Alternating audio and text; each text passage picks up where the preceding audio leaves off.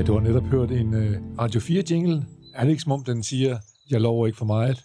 Er det ikke som om, den siger, jeg er bare en lille bitte lydfil, der er utrolig ligegyldig og kedelig? Er det ikke som om, den siger, du skal ikke tro, du er noget? Lad os, lad os også lige uh, advare de lyttere. Der er i hvert fald lyttere, der påstår, at deres hjerner er blevet omdannet til papmaché, efter de gentagende gange har lyttet til Radio 4-jinglen. Velkommen, du lytter til Ugen Ud, det eneste program på Radio 4, der kigger på tiden, der er gået, mens vi kigger fremad. Det eneste program på Radio 4, der går op i tre. Derfor er det måske meget passende, at mit navn er Jens og Folmer og Jebsen. Velkommen til Ugen Ud. Det er i dag den 2. april 2021. Så velkommen til første lang fredag i ugen. Brænd dit tv, luk dine øjne og se.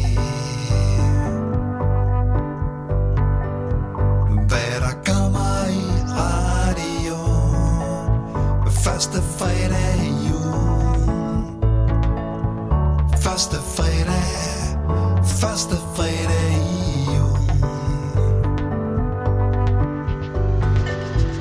Tag og tænd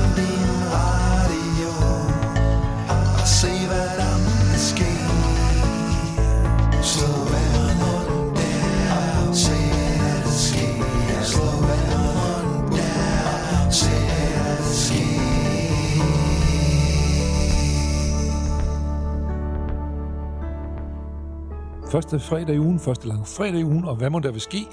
Det ved vi ikke rigtigt. Vi ved også, det er sidste ugen ud, så øh, der kan risikere ske rigtig mange ting. Anders, du er med mig her i dag. Vi sidder ude i øh, haven, som man måske kører på fuglesang, Yes. fordi vi spiser påskefrokost. påskefrokost. Ja. Jeg har vist allerede lyst på, at jeg har fået nogle øl allerede. Det har jeg så ikke. der er en hel masse ting, vi vil tage fat på den uge, der er gået. Ja. Men øh, der er også en masse ting, man ikke behøver at tage fat på. Og Jeg kan godt tænke mig lige... Jeg har i hvert fald tre øh, nyheder som fra løbet af ugen, som jeg tænkte, dem behøver vi ikke tage fat på. En af dem, det er, at øh, øh, en overskrift, der hedder Disney-stjerner er blevet mor. Det er drejer sig om Ashley Tisdale. Hun er blevet mor til sit første barn. Herfra skal selvfølgelig lyde truttende tillykke til mor og barn og til hele Disney-koncernen. Og Ashley Tisdale, hvis du hører dette, så ved du velkommen i vores program. Om du må komme forbi Aarhus på et eller andet tidspunkt. Men giv lige lyd, for vi ved ikke, hvem du er. To. Næste nyhed, som også ikke bruger så meget tid på, det drejer sig om Ida Holm og Mads Tarikiki Petersen, der begge er kendt fra TV2, i hvert fald ifølge BT. Avisen oplyser videre, at, øh, at øh, Mads Takiki og Ida Holm øh, nu skal til at sælge deres hus. Den her væsentlige nyhed, den følges op med et citat fra Ida Holm selv. Det har været en svær beslutning for os. Vi har været utrolig glade for at bo her i Randers, siger part Ida Holm og Mads Takiki Petersen. Vil du ikke også være ked af det, Anders, hvis du skulle flytte til Randers og sælge dit hus? Vil det ikke være en stor Jeg beslutning vil for dig? være møg ærgerlig. Ja, men det behøver vi så ikke at... Nu, så bliver det ligesom sat på plads. Det Ja. må jeg, så kan vi godt komme videre. Den sidste, min top 3 over ligegyldige nyheder, det er, at den danske popstjerne Medina, hun fortæller nu, hvordan hendes første barn kom til verden. Hun fortæller det i en story på sin Instagram, hvor hun skriver, øh, øh, hvor hun siger, at øh, jeg er i gang med nogle lettere alternative træningsøvelser, øh, så jeg, nu må jeg træne igen efter mit kejsersnit. Så det er jo også spændende. Kan man ikke godt sige det? jo, det, Nå, Uha. vi skal snart til at have noget substans, tror jeg. Vi kan jo så starte med at få en, en faktisk en rigtig, rigtig god sang, øh, Disney-sang øh, med øh, Camilla, og det er fra den der film, der hedder Ratatouille.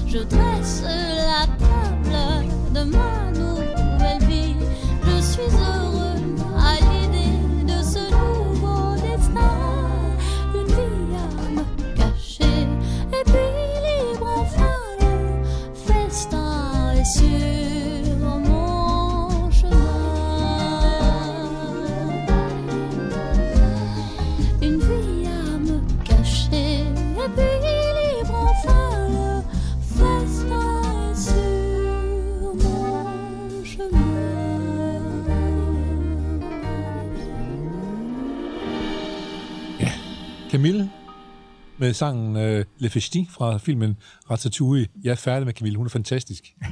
Og filmen Ratatouille er også øh, faktisk en helt rigtig fed tegnefilm, hedder det jo gamle dage. Nu hedder det animationsfilm. Den er virkelig god, den kan vi kun anbefale. Øh, Anders, vi er nået dertil, hvor vi skal tale om, øh, du har fundet nogle påskenyheder frem til os.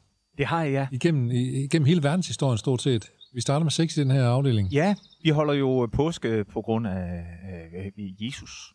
Okay. Og øh, det, det er jo derfor, der er påske. Ja, Og jeg tænkte, den ville måske være lidt småkedelig, fordi alle, alle vores lyttere, de kender jo til hudløshed, historien ja. om øh, Palmesøndag og Skær Torsdag og Langfredag, alt det der. fuldstændig. Så derfor kigger vi lidt nyere øh, verdenshistorie, og selvfølgelig ja. går det op i øh, tre. Øh, det er jo så seks fortællinger her i første time, Ja. og seks i anden time. Og så kan vi lige sige, hvis vi nu springer Jesus over, så kan vi godt sige, ugen ud vil gerne lide på korset for dig. Øh, yes! men men vi, vi går hårdt på det kronologisk rækkefølge. Ja, kom så med det. Og, og, og øh, nu, nu kommer den første. Vi ja. skal til påsken 1865. Yes, det er som om, det var i går. Ja, det, det er det ikke også. Og, og jeg kan fornemme, at folk, når du kigger på mig, at du ved, hvor vi skal hen. Ja. Vi skal selvfølgelig til USA. Ja. Vi skal til uh, Appomattox Courthouse i Virginia. Ja. Og det er simpelthen den 9. april 1865, hvor Robert E. Lee overgiver sig til uh, General Grant. Ja. Simpelthen. Og, og Lincoln blev den store sejrsherre. Ja. Så øh, det var simpelthen i påsken. Den amerikanske borgerkrig er vi i. Det er sydstaterne, der overgiver sig mod øh, nordstaterne. Krigen fortsætter lidt endnu, en måneds tid endnu, før øh, vi skal til Texas for at finde den endelige overgivelse. Før, før de finder ud af, at han faktisk har underskrevet en overgivelseserklæring. ja, det er rigtigt, ikke også? Ja. Dengang var der ikke så meget styr på, på herrene, som øh, der kommer senere. Det ville jo have været lidt sjovt, hvis Hitler først overgav sig, og så tog krigen lige et par måneder ekstra. De gjorde det på sæt og vis på Bornholm, hvor russerne jo faktisk blev over en hel del øh, længere tid efter 2. verdenskrigs afslutning. Oh, men, men dog ikke tyskerne. Dog ikke tyskerne, Der var det lidt mere. Nej. Men det er måske Men- også, fordi tyskernes ordning mod sein, det passer bedre. Når man overgiver sig, så overgiver Okay, man man, sig. Og, øh, og, men, men så, når vi lige snakker Robert E. Lee, det er jo ham øh, og nogle af hans kumpaner, som hvis øh, statuer, man har væltet i stor stil nede i sydstaterne nu her. Ja, det er rigtigt. Fordi øh, der, man har hyldet de der soldater, der gik ind for slaveriet. Det har man, og man har haft flere af de her øh, øh, ret slemme øh, demonstrationer, hvor, hvor hvide øh, supremacists har været, været ude efter øh, sorte, også i nogle af byerne i Virginia og sådan noget. Og Så. man kan måske stille spørgsmål, er den der borgerkrig, er den nogensinde helt overstået? Det er den vel ikke? Nej, fordi Jeg tror, den der, pågår stadigvæk, ikke? jo, der er mange amerikanere, der, der stadigvæk, det er jo selvfølgelig sydstatsamerikanere, der ser noget positivt i, øh, i øh, sydstats øh. Ja. Øh, skræmmende. Det må man sige. Og det blev også luftet godt og grundigt øh, det, det her 6. januar, ikke inde i, øh, i The Capitol, da der var demonstrationer der. Absolut. Så kom de der hvide folk med deres øh, øh, flag fra sydstatsflaget, ikke? Ja. Ja. Og det, og det er interessant, hvad det, hvad det er for et, øh, et symbol, man mener at se i det, men det må være en eller anden form for øh, frihedssymbol. Øh, det er næsten sådan et liberalt symbol, at, at kommer nordstaterne og pådutter os ting, og så i dag der er det også øh, demokraterne, der pådutter os ting, og så sydstatsflaget viser, at øh, vi har selvstændighed. Så minder mig også om, når man kører igennem Texas, så står der tit på store skilte nede, don't mess with Texan law. ja. Og det er jo sådan set det samme, ikke? Det er, vi er uafhængige. Mm, Vi, vi skider på jer. Ja.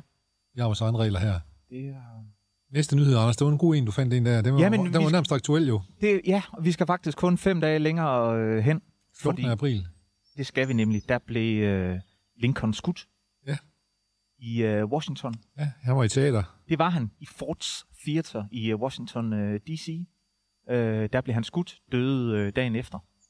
Morderen var John Wilkes Booth. Booth, ja. Og øh, sammen med et par kompaner, der havde de besluttet sig for, at hvis man myrdede øh, præsidenten og øh, øh, premier, ja, hvad hedder det, Secretary of State ja udenrigsministeren. og, og, og vicepræsidenten, så ville øh, sydstaterne nok øh, komme igen. Så, så vil underskriften være ugyldig. Yes. Men øh, Booth, han var den eneste, der lykkedes øh, med det. Og øh, ja, resten er jo historie. Øh, Andrew Johnson, han øh, skulle også være blevet angrebet, der angrebsmanden øh, turde ikke, så han endte med at blive øh, præsident Så efter Lincoln. Efter Lincoln, ja. Men Lincoln er ligesom den store præsident i USA, de alle sammen rigtig gerne vil sammenligne sig lidt med, at det er ham, der står inde ved Capitol, kæmpe store figurer og så Ja. videre. Der. Og, og, og jeg synes, det er lidt interessant at se øh, med Lincoln, fordi vi taler jo meget stort om Lincoln. Vi taler også meget stort om øh, Kennedy. Men når man så kigger på, at de blev myrdet, altså der tog jo ikke øh, mere end et par dage, så var systemet op og køre igen. Øh, så, så historisk, der husker vi dem som noget meget stort. Men øh, i deres tid, jamen, øh, altså, hvad skal man sige, præsidentembedet fortsatte jo. Men det må så være, fordi deres institutioner har været på plads, kan man sige. Ja. At de har været funktionsdygtige. Ja. Ja. Så, så øh, USA led ikke øh, et, et, hvad skal man sige, et stort, øh, det er måske et menneskeligt tab, men, men politisk, så var systemet allerede dengang øh, så professionelt. Det gik jo kunne heller ikke mere end 12 minutter efter, at John Kennedy var blevet erklæret død, før Lyndon Johnson stod der og sagde, Nemlig, øh. afladet på, nu er han den nye præsident. ja.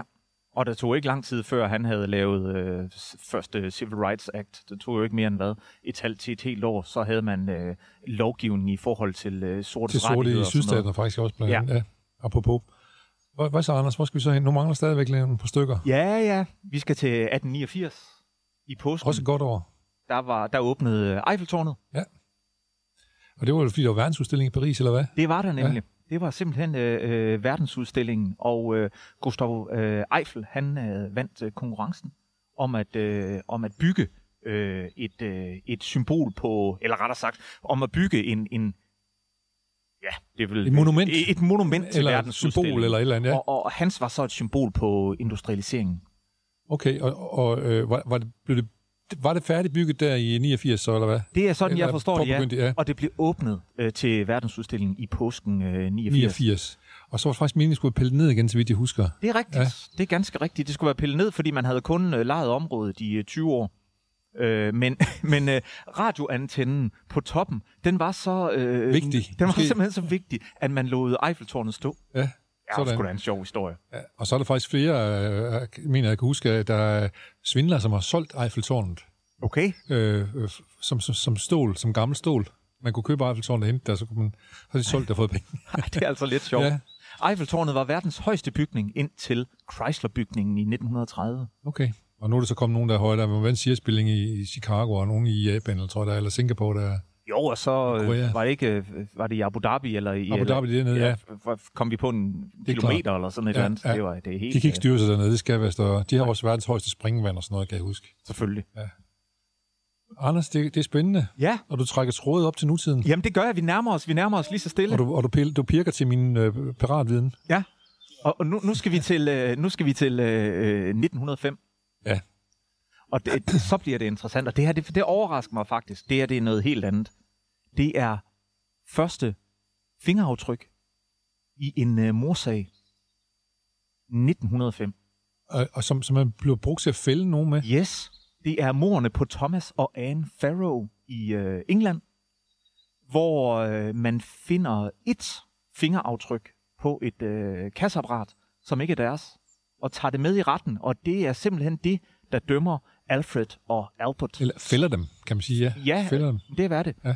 Øh, Albert og, og Alfred øh, Stratton, et øh, broderpar, som, øh, som har været inde og, og røve øh, øh, butikken. De har skudt dem, og så har de tømt øh, øh, kasseapparatet. Det er Alfreds højre tommeltot, der er aftryk af. Dame. Simpelthen. To måneder efter, der blev de hængt. Der var, der var, det var dengang, der ikke var kø Der i var ikke noget retssystemet. Simpelthen. Der var ikke nogen tvivl om, at det var ham, der havde været derinde. Og det var det eneste øh, bevis, der sådan set var, fordi de prøvede jo begge to at sige, at den anden var der ikke. Ja. Øh, men der havde man højre tommeltotsaftryk.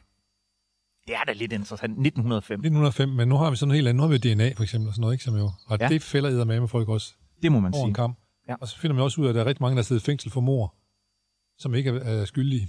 Det, det er jo helt er øh, vildt. enormt skræmmende. Øh, og de kunne nå at blive henrettet tre eller fire gange. Jeg synes, det er skræmmende at tænke på, hvor mange der er blevet henrettet, som formodentlig ikke har været skyldige. Og det, det virker jo... Ja, det, det, det lyder næsten som om, at når man, når man ser, at det, det kun er en amerikansk ting, men, men øh, det må, kan det ikke være. Det må være øh, i hele verden, der sidder folk, ja. som, øh, som Jeg kan, jo lige sige, at Virginia har jo lige meldt sig som den første stat i USA til at afskaffe det, øh, hvad hedder det, øh, øh, dødsstraf. Okay. Den første sydstat. Øh, Ja. ja. Ja, det er interessant. Det er meget interessant. De skal lade være med det pis der. Trump har nået at lige og sammen med, med sin justitsminister bare og øh, fyre, var det 13 henrettelser af de sidste, sidste måned, han sad i. Ja. Altså, det er det første federal henrettelse i 100 år, stort set nærmest. Hvem nåede han så lige fyre 13 af? Noget den stil i hvert fald.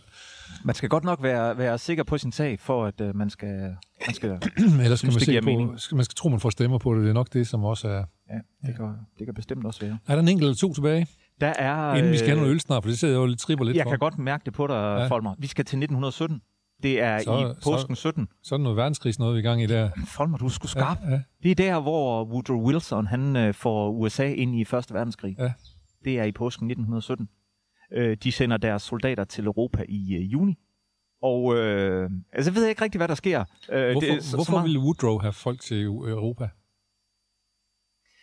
Ja, men det, det, det handler vel om, øh, at, at, at hvor, hvor sure amerikanerne end er på, på englænderne og vil have deres selvstændighed, så kan de jo godt se, at øh, hvis øh, øh, Europa og England, øh, Australien bliver, øh, bliver presset, jamen øh, så vil det også påvirke øh, USA før eller siden, så de er nødt til at gå ind. Så hører jeg dig sige, follow the money. Ja, ja jo, eller, eller our way of life, Ja. det, det bliver øh, øh, troet. Der går faktisk næsten et år før øh, de, øh, amerikanerne går, går sådan aktivt ind i krigen i maj 1918, og så går der ikke mere end et halvt års tid, så er Så Første verdenskrig slut. Ja. Så man kan sige, at de ikke er, de ikke er så aktive som de var i 2. verdenskrig. Hvor de Nej. selvfølgelig også på en helt anden måde var involveret, fordi de selv var indgrebet af japanere osv. Ja, Ja, nemlig.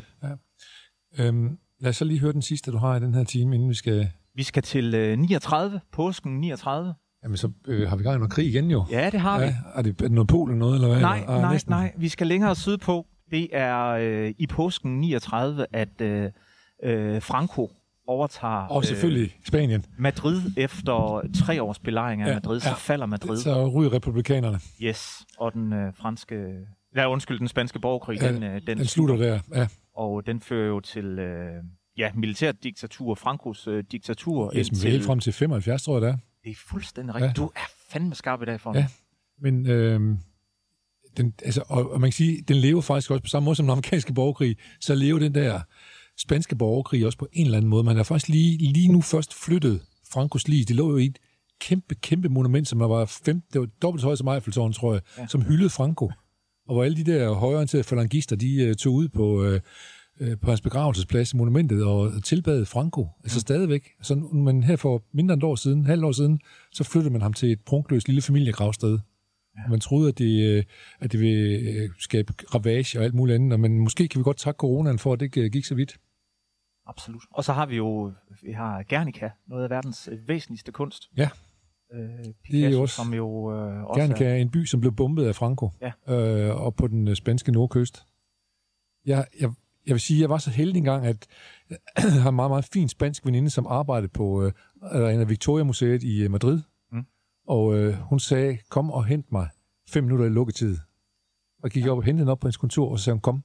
Så gik vi ned, og så så vi Guernica, uden der var nogen som helst publikum inde. Det der kæmpe værk der, mand. Pff, får man lige i hovedet. Det var vanvittigt. hvor stort det, det, er jo, det er jo kæmpe stort. Kæmpe stort, Ja. kæmpe stort. det, er, altså, det er mange meter Ja. højt og, og langt, ikke? Nej, hvor fantastisk. Ja. Så det var, en, det var en god oplevelse. Men nu er der nok nogen, der spørger, hvad er det, vi lytter til? Sidder vi og lytter til øh, en gramofonplade, en gammel gramofonplade med Anders, eller et gammelt øh, tv-program eller noget? Nej, det gør vi ikke. Vi lytter til en radioprogram. Radio, radio. Stil ind på din radio. Skru op.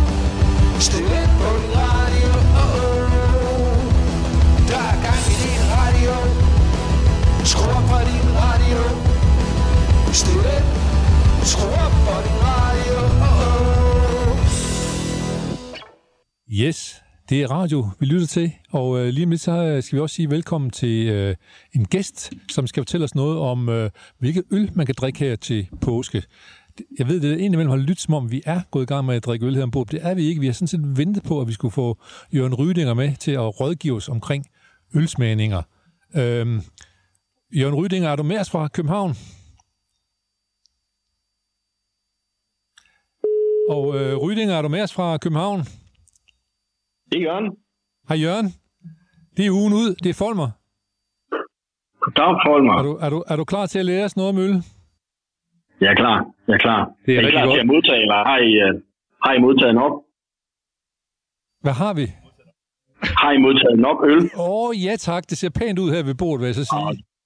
Og, øh, men, men jeg har ikke så meget forstand på øl, så jeg tænker mig bare at lægge mig en lille smule tilbage, og så vil jeg lade Anders og Lars Kylsbæk og ja. Jørgen Sørensen og Anders om at smage øllen og bedømme den, når du nu leder os igennem det. Og så, Ja, øh, men det lyder til det. så øh, Anders, vil du øh, tage over herfra? Ja, det kan jeg da absolut godt. Øh, Jørgen, øh, ja, vi to vi har jo talt om, at påskefrokost, ah, i disse coronatider, der er måske ikke verdens bedste idé. Men vi kan se på øh, påskesolen, den danser, og så skal man skulle have, have god øl. Så øh, du har lovet at tage os igennem en smagning af tre gode øl i påskesolen. Det er rigtigt. Men det bliver ikke påskeøl. Nej, det bliver nemlig ikke påskeøl. Det bliver Det er ikke ikke påske, påskeøl. fordi, fordi det kan godt blive lidt for voldsomt. Kan det ikke det? Ude i øh, Og altså påskeøl har jo en øh, lang og gammel tradition, der daterer sig helt tilbage til paulanermunkene i, øh, i Bayern, der, der laver de her dobbeltøl, bokøl, øhm, som de egentlig laver, fordi de skal, de skal igennem fasten på en rimelig fornuftig måde. Øh, og jo mere energi og saft og kraft der er i en øl, desto bedre kan de undvære med. Og de, øh, de faster jo både fra aske onsdag frem til påske og søndag. Det er 40 dage, hvor de kun må få et måltid om dagen. Så øllet var, var vigtigt. Og det blev så det her salvatorøl. Øh, og salvator betyder jo frelse, og det skulle bringe dem frelst igennem øh, fasten. I 1634, der præsenterede de det så for, for storfyrsten af Bayern, nemlig Maximilian den første. Og han siger, at det er sgu i orden det her. Det, er- det er anerkendt øl, og så får de virkelig en udbredelse. Øh, det kommer også til Danmark, og i Danmark laver man også salvatorøl. Øh, men det bliver faktisk forbudt på et tidspunkt, fordi det vil de ikke finde sig nede i Bayern. Og så er vi nødt til at kalde det for påskeøl. Og den første danske påskeøl, den kommer i 1890 fra Thor Bryggerierne i Randers. I 1905, der kommer Carlsberg med sin første påskeøl.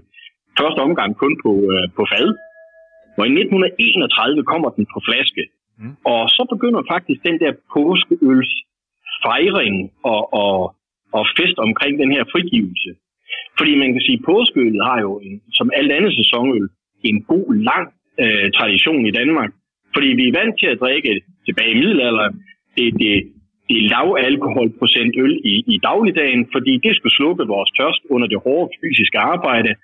Og øh, man kunne ikke drikke brøndvandet, det var forgiftet. Så øh, det var det, jamen, af, af mange, mange på renovation ganske enkelt. Så derfor kogningen af hverdagsølet gør så, at man, man kan overleve dagen og vejen. Men når så arbejdet var overstået, og målene var nået, og man skulle fejre højtiden, så kom, øh, så kom det her påskeøl og, og, og den så skulle også juleøl i spil. Og det er så stærkere. Det er det, der kendetegner øh, sæsonølene. Øh, ja, ja, jeg skal ikke drikke øl, fordi... Øh, men jeg skal gerne hjælpe med at åbne nogen. Jeg kan se, der sidder nogle meget utålmodige nogen, og gerne vil smage på noget øl her. Hvilken en af ølene skal jeg starte med, inden den er Vi starter, vi starter i den lyse og lette ende. Vi starter med øh, Kronenburg Blanc øh, på 5, øh, på 5 procent. En, øh, en hvedeøl af den franske skole, som relaterer sig til de belgiske hvedeøl. Så lad os lige høre, om ikke det siger pif. Det gjorde det for mit vedkommende. Hvad med jeres? Der bliver skænket op. Det er jo godt. Ja, det er den anden Anders, der taler. Og øh, jeg kan fortælle, at vi har jo fået besøg også af en kok. Vores gode ven Lars. Og han har også fået noget i glasset, og naboen Jørgen, der hjælper med de tekniske og mekaniske udfordringer. Og jeg tror, vi alle sammen har noget i glasset nu. Ja, min den Ja. er allerede i glas. Nå, den, den kommer i glas, så du skal ikke have den hældt over. Nå, vi, skal vi smage? Det synes jeg, men prøv lige allerførst, prøv lige at betragte øllet, ikke? Uh, bemærk det her meget tætte, flotte, hvide skum. Og Ja. så det her uklare svæv, der er i øllet. Og der er måske et par af jer, der tænker, at det ligner morgendagens urin. Uh, mit bud er, hvis det er tilfældet, så søg læge, ikke? uh, uh, sådan, skal, sådan skal øllet se ud, sådan skal jeres urin ikke se ud. Det er mit bedste råd. Den ser sådan ud, fordi den er ufiltreret. Der er gærrester med i øllet, og det er med til at give både uh, duft og smag til øllet. Så, men nu har jeg vist talt længe nok. Skal vi smage på det? Jo. Skål! Og god på. Siger man egentlig glædelig påske? Eller hvordan er det nu, det er? Er det noget sørge, sørgetid, eller er det en højt, altså glædestid? Åh, oh, ja. Ja, det er jo... Ja. det er jo, det er jo en hård tid. Nu er det jo langfredag. Det er jo en fest Ja, det er det jo ikke i dag. øh, på søndag. Ja. Jeg kender opstandelsen, ja. Ja. Men Jørgen, jeg kunne godt tænke mig lige, at, og nu nævnte du det, det flotte skum. Og, øh, Mhm. øh, hvordan får man sådan en flot skum? I sin, sin øl? Øh, jamen skummet, det, det, kommer, det, kommer fra, det kommer fra malten, og, og det, er sådan set, øh, det er sådan set proteiner. Og det er rigtig, rigtig vigtigt at få, dem, øh, for det, for det, øh, for, for skummet til at leve. Jeg ved godt, der er mange, der skænker øl op flat og uden skum, fordi de synes, så, så har de styr på det. Men det er faktisk en fejl.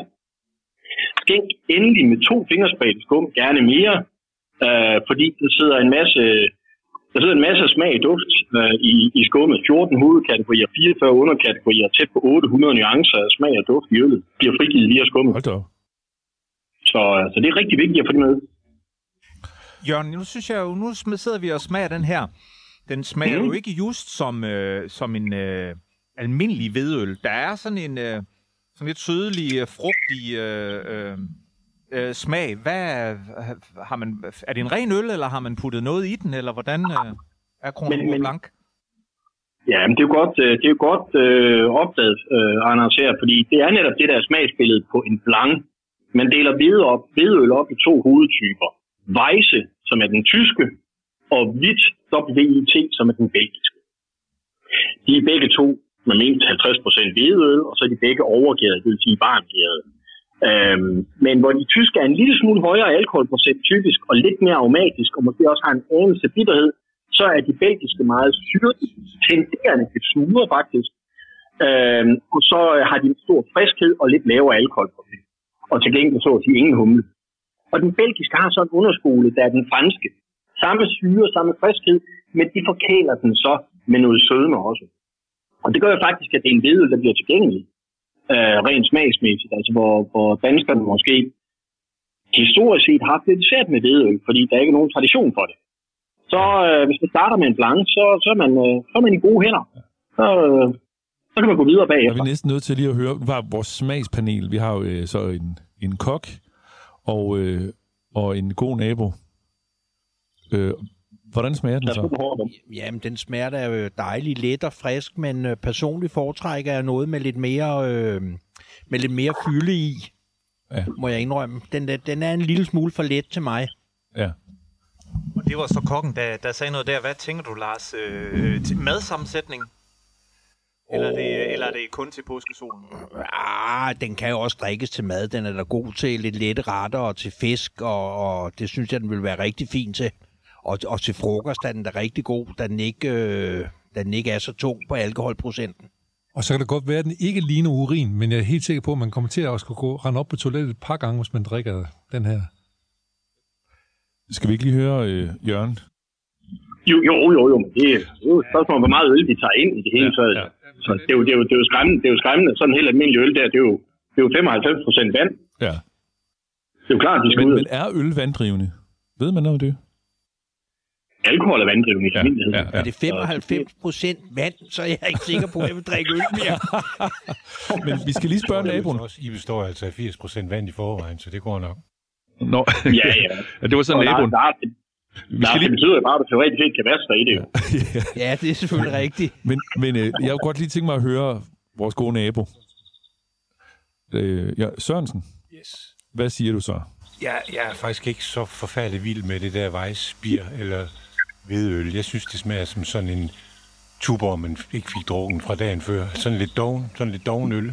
Ja. Men øh, det er jo vel som med alt muligt andet smag og behag. Ja, og, og som, og som øh, Jørgen fortæller os jo, så også noget med tradition måske. Altså, vi er måske ikke bare ikke er vant til det. Det har stor betydning. Stor betydning. Jørgen, Altså, vi er, vi er vanemennesker.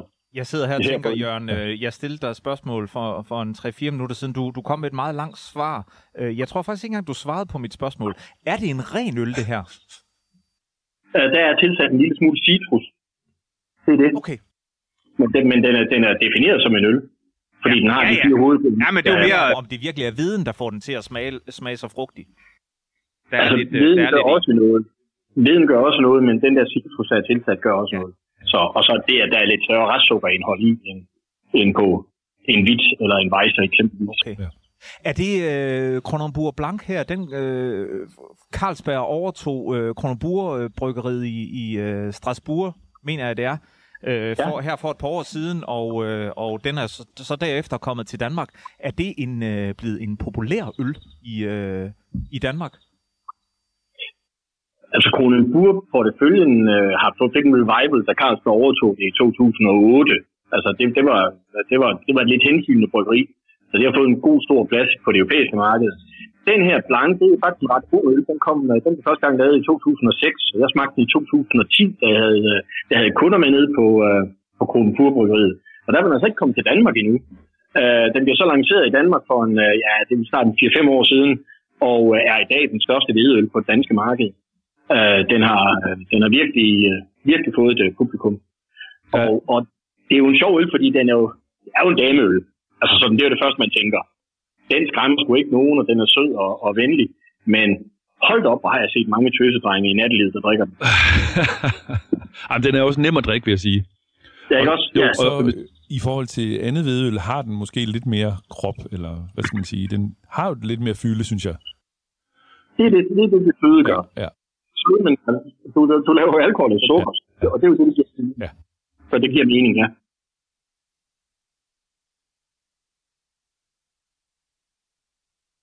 Åh, oh, I langt foran. Ja. Øhm, men er det det- kan så også gøre. Tror, det her påskeselskab er måske lidt tørstigt. Ja, men her vil jeg især, der glæder jeg mig især til at se, se, uh, se din reaktion, eller høre din reaktion, Lars Gyllesbæk. Fordi hvis, uh, hvis du synes, det første det var sådan lidt, uh, lidt underligt og manglede lidt fylde, så vil jeg rigtig gerne høre, hvad du siger om den her. Grimbergen Rouge. Og her, prøv nu lige at få tænke godt med skum, min herre. Den dufter af jordbær. Ja, Hindbærbrus. men prøv at se skummet, næsten helt candyfloss farvet agtigt ikke? Jo. Det smager Det vi. lidt af candyfloss.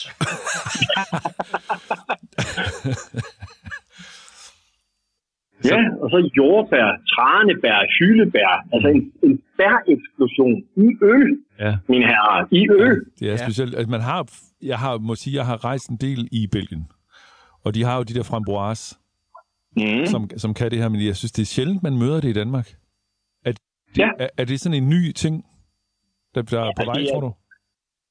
Ja, men det er, det er den femte af øllets hovedkategorier, som er, er i sin spæde vor i Danmark. Det passer.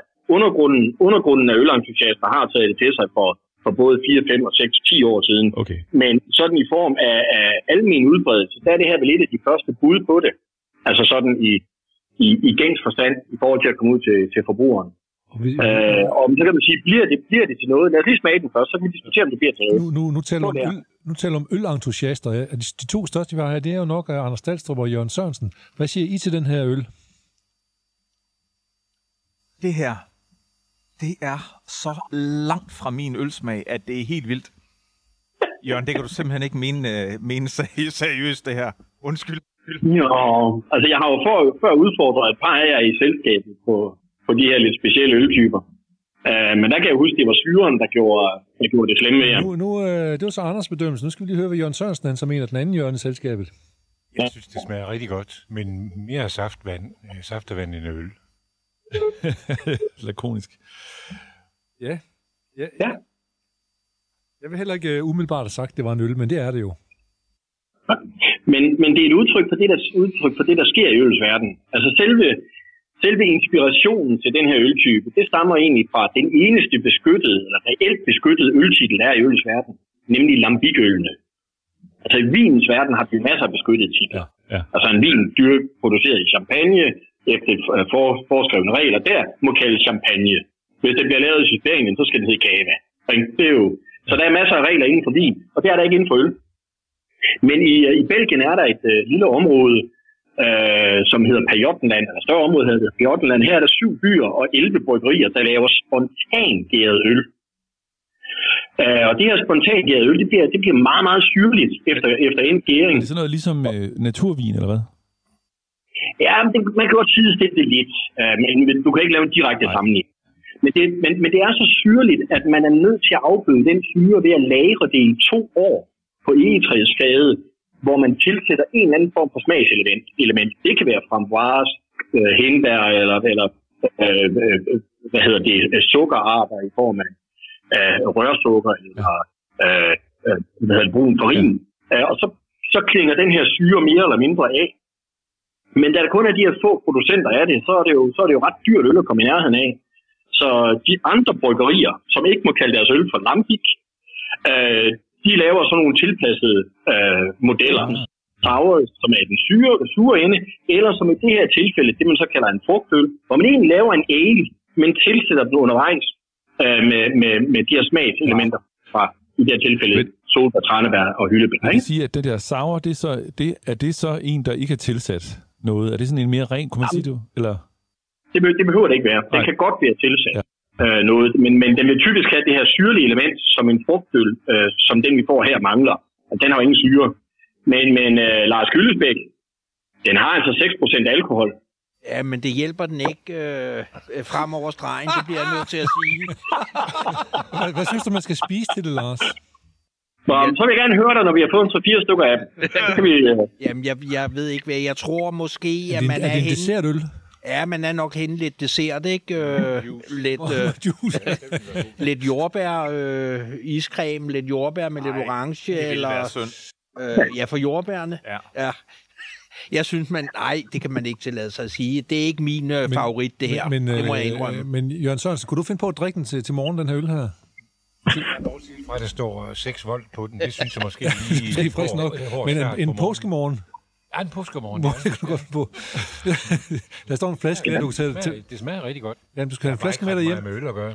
Nej, det, jeg Rydlinger, jeg synes ikke, at alkoholen giver den fylde. nej, men det er jo så det, der er jo det gevinsten ved den her. Fordi lad os nu antage, at jeres, øh, jeres øh, samliv derhjemme er gået lidt i stå, og vi er på vej ind i, ind i, den, ind i, i terrassetiden. Så kunne det jo godt ske, at I skulle øh, åbne sådan et par flasker af dem her, øh, og servere dem koldt på terrassen. Så kan er det, hun er det noget, du har erfaring med? Ja, det er, jeg har masser af erfaring inden for øl. Og- Og jeg skal, også- jeg skal også lige til at spørge dig, hvis nu, for eksempel, nu sidder der nogen her i selskabet, hvis nu, at der var, at Kvittel og Dobbelt, det begyndte igen i tv, så ved jeg for eksempel, som Jørgen Sørensen, han vil nok stille op i øh, fraktioner i VS, for eksempel. Men hvad vil du stille op i? Du vil stille op i, Lars han vil nok stille op i noget med æg. Ja, ja, det, det er... Mit kælenavn er jo Kylle Kylle, så Ja. det vil jeg da. Det er god, øh, med god grund. ja. øh, og, øh, og, og, og Rydinger, du vil stille op i øl, ikke? Jeg vil overveje øllet, men jeg vil også alternativt vil overveje at stille op i verdens tyndeste bog. Italiensk, italiensk krigshelt igennem årtusinder. Og, og det er så nødt til at gentage italiensk hvad? Italienske krigshelte igennem årtusinder. Jørgen, øh, før der fik du som sådan en øh, øh, sidebemærkning sagt, at det her det er så den femte øltype. Skal, kan vi ikke lige træde et skridt tilbage, og øh, hvad, er det, hvad er det så for nogle fem øltyper, vi har? Og, og, og jeg er rigtig, rigtig glad for, at du siger det, fordi er der noget, danskerne ikke kan finde ud af det, så er det, så er det at kategorisere øl. Enten så kan man dem i god eller dårlig, lys eller mørk, øh, stærk, ikke stærk, øh, og, og det er noget værd rod. Øh, der er fem hovedtyper af øl. Den første, det er lagerøl. Og senest ankommet, det er undergæret lagerøl. Vi kender det fra pilsner og og mellemtypen, der hedder vinøl. De kan både være stærke, de kan også være svage, i alkoholprocent, de kan være søde, de kan være bitre, men betingelsen er, at de er lagret efter en gæring. Så bliver det til en lager. De koldgærede, det stammer fra Bayern i 1834.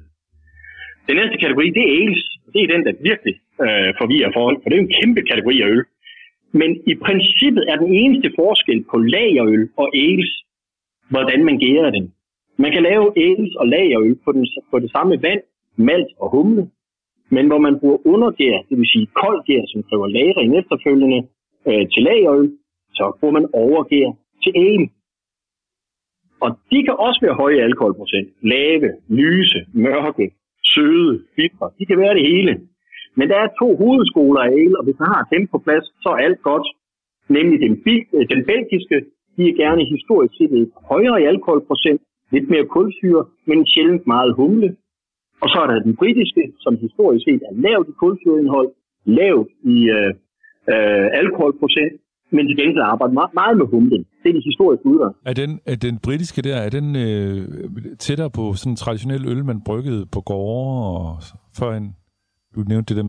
Ja, det, det, det, kan- det, det kan man godt sige, men der er også noget, der er også elementer af den belgiske skole, du kan finde i det gamle landboøl. Øh, så så, så det, det, det, det er lidt svært at give et entydigt svar på, faktisk. Øhm, øh, til gengæld, så, så kan I forholde jer til, at de, de er utrolig lettere at skille fra hinanden, bare ved at kigge på etiketten. Hvis tillægsordet er fransk klingende i form af brune, blonde, double ombre, rouge, noël, så er det den belgiske skole. Yes. Og hvis det er engelsk klingende i form af pale, mild, brown, bitter, ja, så er det den, øh, den britiske ja. skole. Sværere er det ikke. Og så er der hvidøl, som jeg gennemgik før, og så er der det her lambic sour øh, frugtøl, som I kommer til at se meget mere af de næste øh, 10-20 år. Det er de fem hovedtyper øl. Er, er, er, det, øh, er, det, er, det, er det simpelthen ciderens afløser? For cider blev jo pludselig voldsomt populær blandt på festival og alt muligt andet. Tror du, det her, øh, den her nye frugtøl, det bliver øh, ciderens afløser? Nej, det tror jeg ikke. Det tror jeg faktisk ikke. Øh, Jeg tror, det kommer til at køre ved siden af, af cider, ved siden af de andre øltyper. Altså det der, er jo- det der er jo sket, det er jo en fantastisk revolution de sidste, øh, sidste godt og vel 30 år øh, på ølmarkedet herhjemme. Altså for 10 år siden kunne vi ikke, øh, kunne vi ikke drikke, øh, kunne vi ikke drikke IPA'er herhjemme. Altså de var alt, alt, alt for bitre. Der var ingen, der ville have dem. For 25 år siden, der var der ingen, der skulle have. Når jeg holdt ølsmagninger for 25 år siden, hvis jeg præsenterede en, en hvidøl i en, øl, en ølsmagning, så var der en ud af 10, der kunne lide. Ja. Uh, tilbage i midt-90'erne kommer de der belgiske uh, klosterøl væltende ind over grænserne, og springet fra pilsner til klosterøl, det var altså, det var, det var hårdt. Ja. Uh, I dag har klosterøl en ganske fin position uh, på det danske ølmarked. Og i 1993, da jeg havde klar pro op i Aalborg, der kom der en, øh, der kom der en konsulent fra Tuborg og præsenterede mig for deres nye øl. Og han havde, han havde et par vareprøver med, og jeg åbnede øllen og skænkede den op til nogle af mine gæster i baren. Og vi smagte på det, og vi blev enige om, at det der pis der, det bliver sgu da aldrig til noget. Det var så Tuborg Classic. ja, det er sgu en god historie. Hvor, Og jeg er min Mathis, ikke? til noget, ikke? 93, Og det er de andre også. Så, så mark my words, ja. Her bliver det noget. Har, har du, jeg, jeg har nemlig oplevet det der sour øl der. Jeg, jeg er nødt til at tilstå, at jeg øh, simpelthen ikke er godt nok hjemme i de der kategorier, men jeg har været nysgerrig nok til at prøve lidt af hvert, og det der sour, det er vildt, synes jeg. Øh, tror, tror Ja. du, det kan blive... Altså, jeg har svært ved at forestille mig ret mange sådan lige knap sådan en op. Men det, det er måske bare et spørgsmål om tid og tilvænning. Jamen, altså, der er jo ingen, der siger, at sour bliver lige så stor som, øh, som, som hvedøl. Øh, det tror jeg ikke, men, men, men, men altså, porter pale- og stout, Ja, og porter og stout er heller ikke en stor kategori. Altså, men men jeg, jeg, tror, det, jeg tror, det får en plads, og jeg tror, det får en plads på samme måde som at, at hvedøl for, for 25 år siden, jamen, der var det hver tiende, der blev drikke det. Øh, I dag er det måske 50 procent, eller måske endda mere, der har et, et afslappet forhold til hvedøl. Jeg tror ikke, det er noget, man, jeg tror ikke, jeg tror ikke, der er ret mange, der bliver store forbrugere af, af den her type øl. Men jeg tror, de finder ud af lige nøjagtigt til den her givende lejlighed. Der passer det Ja. godt. Altså, der, er- der, er nogle, der er nogle kokke, øh, der er begyndt at kigge lidt på, øh, hvad, hvad, hvad den her syre i øllet kan gøre ved, ved deres mad øh, øh, i forhold til det. Så, så det, det er undervejs. Det er helt sikkert. Det er jeg ikke i tvivl om. Øh, Rydinger, nu står der en øl her på bordet, øh, hvor jeg kan se navnet Jacobsen står på. Øh, Ja. Den tror jeg lige, den har vi sådan set, jeg har i hvert fald lyst til at skænke den op for de andre. Hvad er lige det, Det for, størrelse? forstå. Hvad er det for en fætter? Jamen, nu, for det første, så er det jo en fætter. Det er jo min fætter, der har lavet Er den. det rigtigt? Ja, øh, min fætter Morten Ibsen, som brygmester på Jacobsen Bryghus, øh, lavede den her for nogle år siden. Øh, og det er, jeg ved, det er en af de øl, han er aller, aller mest stolt af. Øh, og den er, den er, også, den er også ramt øh, lige, øh, lige i center skiven øh, i forhold til den type, det er. Nemlig en IPA med et øh, twist over til den amerikanske skole, hvor vi kalder det West Coast eller New England, hvor man øh, for det første arbejder voldsomt meget med nogle aromahumler, som giver en masse duft til øllet. Øhm, og dernæst er der også tilsat en lille smule grape juice. Og nu ved vi godt, det der med tilsætning til øllet, det, det, er, jo, det er jo det, øh, Lars Kyllesbæk er en, lille, en af de ting, han er en lille smule bekymret for. Men øh, den her kan jo godt. Så den har fylden, og den har øh, bitterheden, og den, den kan det Skal vi hele. lige smage på den så? Ja, Og bered jer på, at øh, det, er, nu går vi altså pludselig over den helt anden ende. Vi rammer en bitterhed på, på 45 bitter units på 0-100 skala, hvor de første to de har ligget under 10. Så vi firedobler altså bitterheden. Og skal jeg lige sige, Det er øh, også oplysning skal lige sige, at den hedder jo Yakima IPA, den her Indian Ja. Pale Ale. Øh, og den, jeg synes, det er den bedste af de her øl, vi har smagt indtil videre. Og grunden til, at den hedder Yakima, det er, at øh, der i Washington State, i den nordvestlige del af USA, på grænsen op til Canada, der ligger der en dal, der hedder Yakima Valley. Og i den dal, der er en, meget, det er en stor vinproducerende dal, men det er også en stor humleproducerende dal. Og det, de Ah. laver, det er aromahumler øh, udpræget. Og øh, de aromahumler, man benytter, de giver sådan næsten en, en fornemmelse af eksotiske frugter. Øhm, og humlerne hedder Simcoe, Citra, Mosaic, og You Cannot huske dem alligevel. øh, det er de fire humler, der bliver benyttet, og man får altså den her overvældende øh, entré med øh, ja, frugt, frugt, Ja, nu, eksotisk. så er jeg nødt til at spørge Kølsbæk. Er, er, vi, er vi så glade nu? Ja, den kommer op og i nærheden af noget topkarakter her. Den er bitter og lidt fyldig og alligevel frisk. Jeg synes, det er en super dejlig øl, det her. Ja. Det er, det er, det er, der er point til fætter der. Og vi skal høre Jørgen Sørensen også. Vi skal lige høre Jørgen Sørensen. Min umiddelbare tanke, da jeg drak af det her øl, det var now you're talking. Ja. Det er rigtig øl, det her. Vi er enige. Jeg vil sige, Rødinger, du skulle næsten have lov til at se de smiler og bredt sig rundt om bordet. Der har været lidt øh, blandet mundvige tidligere. Ja. Ja. En del nedadvendte. Det her, det er, vi er rigtig glade for dine fætter. Det er godt, det er godt. Det er helt klart. Men, jeg vil så også sige, at det er skønt at blive øh, udfordret, og det er vi så blevet på de første to her. Men, men ja. jeg skal lige sige om den sidste her, du skal lige spørge Kølsbæk, når vi spurgte hvad, hvad skal vi spise? Er det som om den her Yakima IPA, kalder den på lidt skidenæg? Ja, jeg tror, at hvis der er æg i køleskabet og, og gas på komfuret, så laver vi en gang skidende æg Oh, det, til anden time. det lyder godt. Altså, i- Jørgen, øl i påskesolen. Øhm, mm. Den her, altså, der går jo ikke øh, lang tid, før så har man altså en billig skid på. Det må man sige. Den holder jo øh, 6,5 procent. Mm. Men man drikker Jørgen- vel ikke så hurtigt, når det, altså jeg vil sige, som øh, Jørgen Sørensen sagde med saftevand der før. Ja. Ja. Det er mere lumsk. Det her, der kan man jo godt øh, mærke, at den drikker noget. Men nu vil jeg lige sige, øh, jeg er jo lige i gang med en kunstpause, Anders. Så, Det er der ikke tid til her. Det her Nej, firma, nej, der det kører det. se. Bam, bam, bam. fordi jeg har faktisk en pointe her. Jørgen Rydinger, Mm-hmm. Session IPA. Se, Ja. Now We're Talking, det er jo IPA pilsnerstyrke. Det er jo min øl. Hvorfor hedder det session? Det, ja, det ved jeg jo. Jeg ved jo, du har en kærlighed for det. Ja. Og, og jeg respekterer også, jeg respekterer også at, at man på en eller anden måde har fået den smidt ind som en selvstændig kategori. Men i min optik, så er det jo egentlig bare en pale ale, der er mere humlet. Fordi det, der normalt, det, der normalt definerer en, en IPA, det er jo, at, at for at kunne kalde den IPA, så skal der være en, en høj alkoholprocent og en stor bitterhed. Øh, og når du så laver en session, jamen, så har du en stor bitterhed, men du går ned i alkoholprocent. Og det vil sige, så, skal det, så, det, så er det egentlig bare en session pale ale, i min optik. Men det er, det er, det er et spørgsmål om ord, og det kan vi jo kløve længe, øh, længe du og Ja, jeg. vi skal have nogle ord fra, fra vores panel her. Men Rydinger, du bliver simpelthen nødt til at tage Anders Dahlstrups input med til øh, brygmesteren, fordi det er lobbyisme for åben skærm. Det er jo landstækkende radio, der skal gøres noget ved det. Ja. Jeg sad netop og tænkte på, om de to første øl, de var serveret sådan rimelig udrikkelige, for at vise, hvor god den sidste den var. Altså, slemt synes jeg nu heller ikke, det var. Ej, i forhold til øl, nej, de smagte godt, men Ja.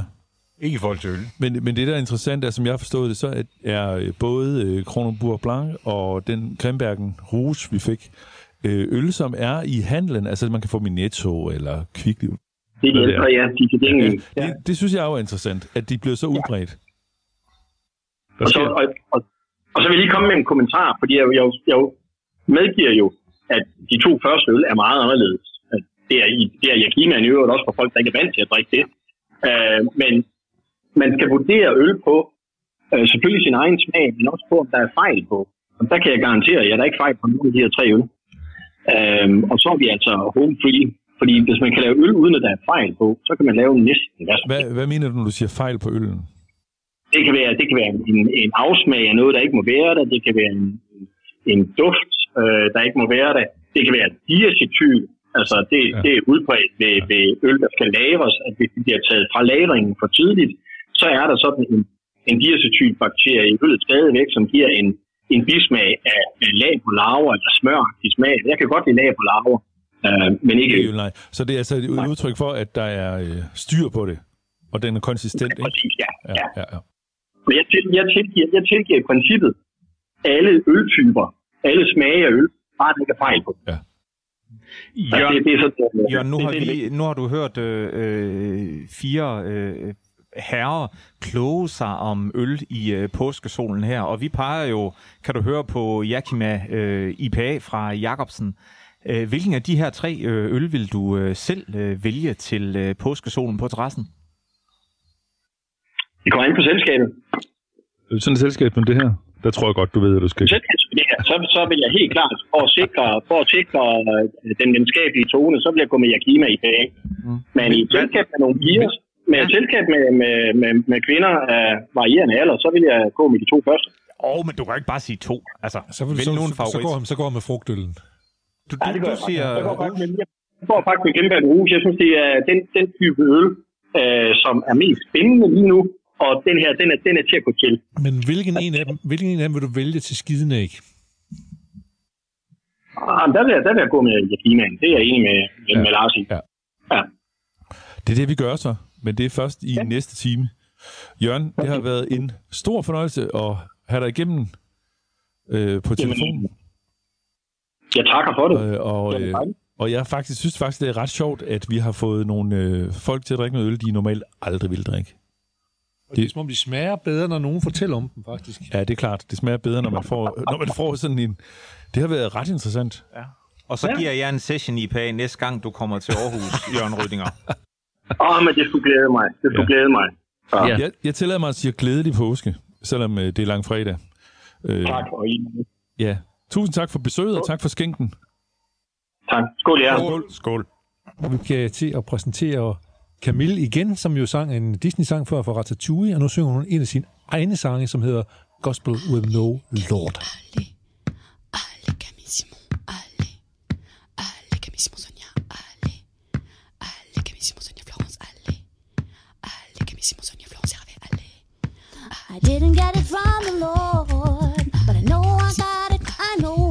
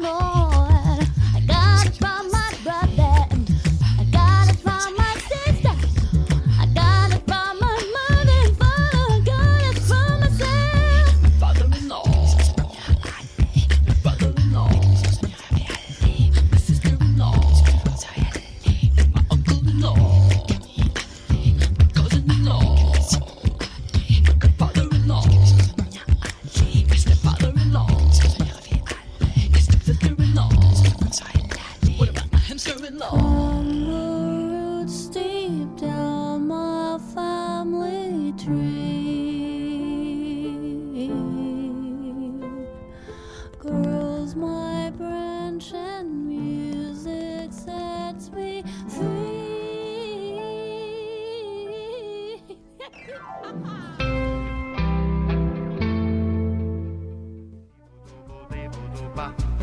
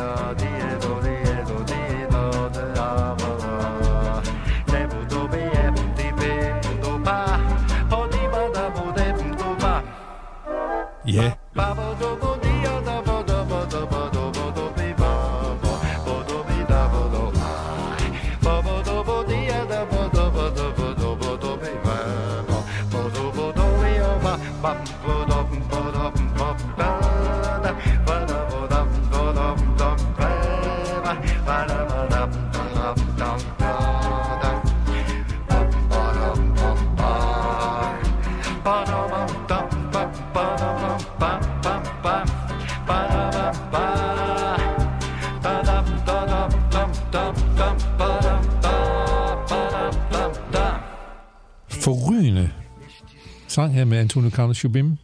Men skulle vi ikke i nærheden af... Nu er vi jo påske. Kan man finde en lille påskeversion af den samme sang måske? Jeg ved, du har mange ting i din gemmer, Anders. Ja. Jeg kunne måske godt tænke mig, og jeg synes, jeg, jeg, jeg har hørt mange synge den her sang, øh, Frank Sinatra for eksempel. Jeg synes også, jeg har hørt din Martin synge den. Eller i hvert fald prøve på det. All right. Yes. Get out here so they Det er can som med. Katrine Valente, den version. Ready? You got your note? No, but I'm ready. Try it again. All right. Uh, mm, All right, now. uh, Wait a minute. yes. I tell you. Now. Bob essa aqui este sambinha feito numa nota só. Bob, outras notas vão entrar, mas a base é uma só. Bob, esta outra é consequência de o que acabo de dizer. Bob, como se a consequência inevitável é de você. That's enough. Quanta gente tem por aí que fala tanto não diz nada ou quase nada. Já meu inteligente e toda a escala no final não sobrou nada.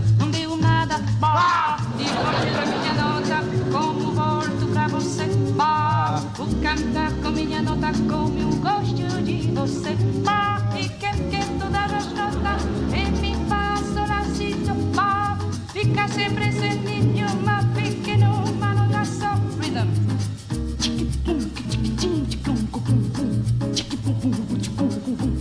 You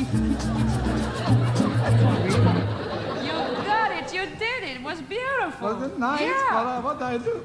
You sang ball. Bah. Great. That's- Ready for the big finish? Oh, you can Yeah. bet your sweet cheeks. Mm, come on. I'll do that. okay, is this all right? Wow, wow,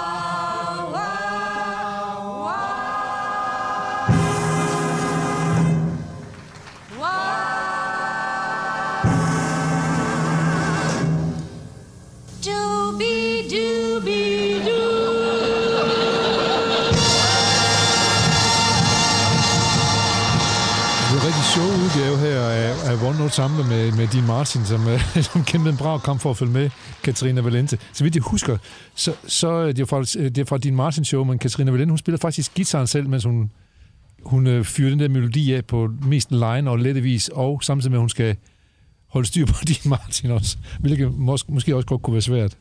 Det var ret fryden faktisk. Så øh, den findes i mange versioner, men øh, nu skal vi i gang her med anden og sidste time af ugen ud. Og øh, Anders, hvad skal vi snakke om i den her time? Du har igen nogle... Øh, vi har sendt Lars i køkkenet. Det har vi. Lars Kyldesbæk er i køkkenet og skal lave skidenæg, har vi besluttet os for, for vi fandt en øl, som passer godt til skidenæg Yes. i første time. Og skidenæg, det får man øh, i dag, er det langfredag, så det er i morgen. Lørdag, skiden lørdag, man får skidenæg. Godt. Og så kan vi så her på denne lang fredag, den første fredag, første lang fredag i ugen, kan vi så fortælle øh, om, hvad man laver skidenæg, for det er nok mange, som ikke ved. Jeg kan huske, jeg fik det i min barndom over hos min mormor og morfar. Men har du nogensinde smagt skidenæg før? Nej, det har jeg faktisk ikke. Nej.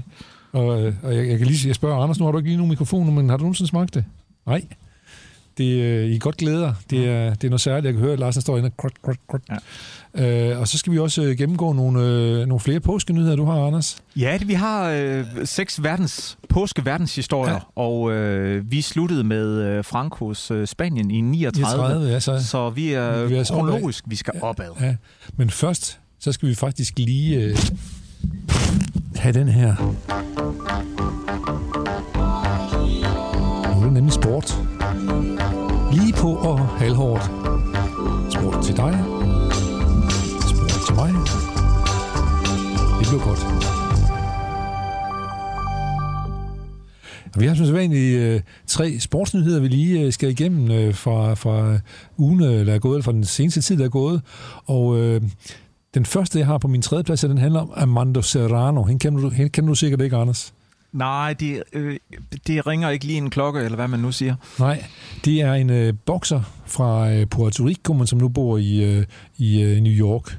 Øh, eller, ja. Øh, og hun har en, en meget, meget... Der er en interview med hende i The Guardian, og som intervieweren siger, hun har en meget blid stemme, og man glemmer nemt, at hendes næver har fældet 29 modstandere i knockout-sejre. hun, har været, øh, hun har været verdensmester i øh, fire forskellige vægtklasser. Okay. Det, det er vildt. Det er eddermame sejt, ja. Øh, og øh, hun har øh, bokset 39 kampe. Øh, øh, hun har vundet 39, øh, bokset en uafgjort og tabt en. Mhm. Og 29 har hun så vundet på knockout. Og nu skal hun så bokse igen her mod en argentinsk øh, øh, verdensmester, som hedder Daniel Bermudez, som har 29 sejre, 3 nederlag og 3 uafgjorte. Og her haft 10 øh, knockouts. Øh, og grund til, at hun skal til at møde hende, øh, som hun selv er verdensmester, det er, at der findes jo forskellige verdensforbund inden for boksning. Det er stærkt forvirrende. Mm. Men der findes WBA, WBO og IT, ITB og hvad fanden de nu hedder, alle de der. Øh, og de har alle sammen været deres egen verdensmestre. Ja. Øh, men nu vil øh, Amanda Serrano, nu vil hun simpelthen være verdensmester. Det der hedder Undisputed Champ. Hun vil simpelthen vinde verdensmesterskabet hos alle forbund i den samme vægtklasse. Tidligere har hun været i forskellige vægtklasser, men nu skal hun prøve at have fluevægt, og så skal hun simpelthen gøre rent bord i andre, så der ikke er mere pis. Mm. ja. Der var jo en gang, hvor, hvor man havde en verdensmester i sværvægtsboksning, hvor som sad på det hele. Lige pludselig var der fire verdensforbund, og så havde man fire verdensmester i boksning lige pludselig. Det var noget rod. Og det er noget rod, faktisk. Det, hvor, hvor er hun... Øh, hvilke vægtklasser taler vi om? Fire vægt, fire vægt, og så har hun været lidt op og lidt ned i forhold til det. Okay, okay. Øh, så, øh, Og fire vægt, det er ikke, det er ikke mange kilo, vi, vi taler om så. det er, så, så må det hedde lidt fire vægt, eller Ja, ja. det og så, op, og så er det fluevægt ovenpå der. Okay. Ja. Så, men hun er så sej. Øh, hun, øh, det skal nok øh, lykkes for hende. Og så de med- skal, hvornår skal de bokse? Det, det, det skal de torsdag, tror jeg, det er. Ja. ja. Øhm, som hun siger, jeg ved, hun kommer mod mig, hende der Argentina. Hun er kendt for at, at fare på med slag, men jeg skal nok sørge for, at jeg har mine slag parat, og mine horn hendes. så, øhm, så har vi en lille trist nyhed, vil jeg faktisk sige, øh, som handler om øh, et af de få øh, olympiske håb, som El Salvador har, havde. El Salvador er jo ikke kendt for at stå øverst på, øh, på sejrs, øh, øh, sejrsceremonierne i øh, de olympiske lege. Nej. Øh, men øh, de har jo haft den der Katarina Diaz, som var en nær- nærmest favorit til måske at vinde øh, i, øh, i surfing. Okay. Øh, og hun var ude at træne her den anden dag, og alt var godt. Der var skyfri himmel, og folk lå på stranden og kiggede på, at øh, Katarina Diaz var ude og øve sig og træne, for at gøre sig klar til en øh, konkurrence, der skulle kvalificere hende til UL-finalerne. Øh, pludselig blev der overskyet, og der blev lyn, og hun blev ramt af lynet. Hold op. Og hun dør af det. Ja. 22-årig øh, ung øh, kvinde fra El Salvador. Det er jo vildt. Ja, det, det, Ja, det plejer er at sjældent, synes- man hører det. Man plejer at synes, det er tragisk, folk blev skadet lige for et OL. Ja. Men her har vi en, der, der simpelthen mistede livet. Og, og kan vide, hvad det betyder for El Salvador, så man nu endelig havde nogen på verdensscenen inden for, for sport, ikke? Ja. Så man så, øh, så man så mister på den der latterlige øh, måde der, som en uretfærdig måde, eller man skal sige. Ja. Ja. Så øh, vi sender en venlig tanke til øh, Dias familie, og så øh, til El Salvador selvfølgelig. Så har jeg en, øh, noget måske som er lidt mere muntert, kunne det godt være. Øh, så handler om en gruppe mountainbikere i, øh, på Fyn, omkring øh, Lillebælt, ved Middelfartsområdet, som er begyndt at cykle på en rute ind i skoven, som blevet lavet til, at man kan cykle mountainbike. Mm. Desværre, det kan så TV2 Fyn, der kan fortælle om det, så, øh, så er de blevet overrasket, mens de har været ude at træne. Øh, øh, blandt andet en, en fyr, der hedder Per Strandtoft, fordi han opdagede flere mænd, som gik søgende rundt i skoven, da han selv cyklede en tur. Og så gik det ret hurtigt op for mig, som man siger, hvad det, hvad det var, der foregik. Jeg ser fem mænd, der er i gang, helt bogstaveligt talt. Og når han siger, kom, vær i gang, det betyder så åbenbart, at de er ved at knalde, ikke? Okay. Yes. Jeg ser fem mænd, der er i gang, helt bogstaveligt talt. Punktum. og det kører, ja, så kører jeg nærmest ind i to mænd, der står under en meter fra øh, cykelsporet og har sex helt åbenlyst. Øh, han mener, han synes selvfølgelig, det er okay, at øh, homoseksuelle har sex, øh, men han mener måske, at mountainbikerne har mere ret til at være der end de andre. Nej, han mener ikke, det mener han ikke. Han mener det modsatte. ja. Men han har ikke noget mod, de har sex, men han synes alligevel, det er lidt påtrængende, Ja, når okay. nu okay. er træne. Ja. Kan vide mig ikke også, at, øh, at, de, at de homoseksuelle mænd øh, synes, det er lidt påtrængende, at, øh, at der kommer mountainbiker igennem deres, hvad skal Når- man sige, deres natur. og Når de er ude at træne. Når de er ude at træne deres ting, ja. Jo. Hvem kom først? Jamen, jeg tror, at øh, området har været brugt af, af, af mændene, før mountainbikerne ja. kom. Jamen, så vil jeg sige, som, som, som fuldstændig uvidende om jura, så må jeg mene, at, at så er det mountainbikerne, der skal flytte. Ja. Er det, er, det, er det noget, vi skal ringe over og sige?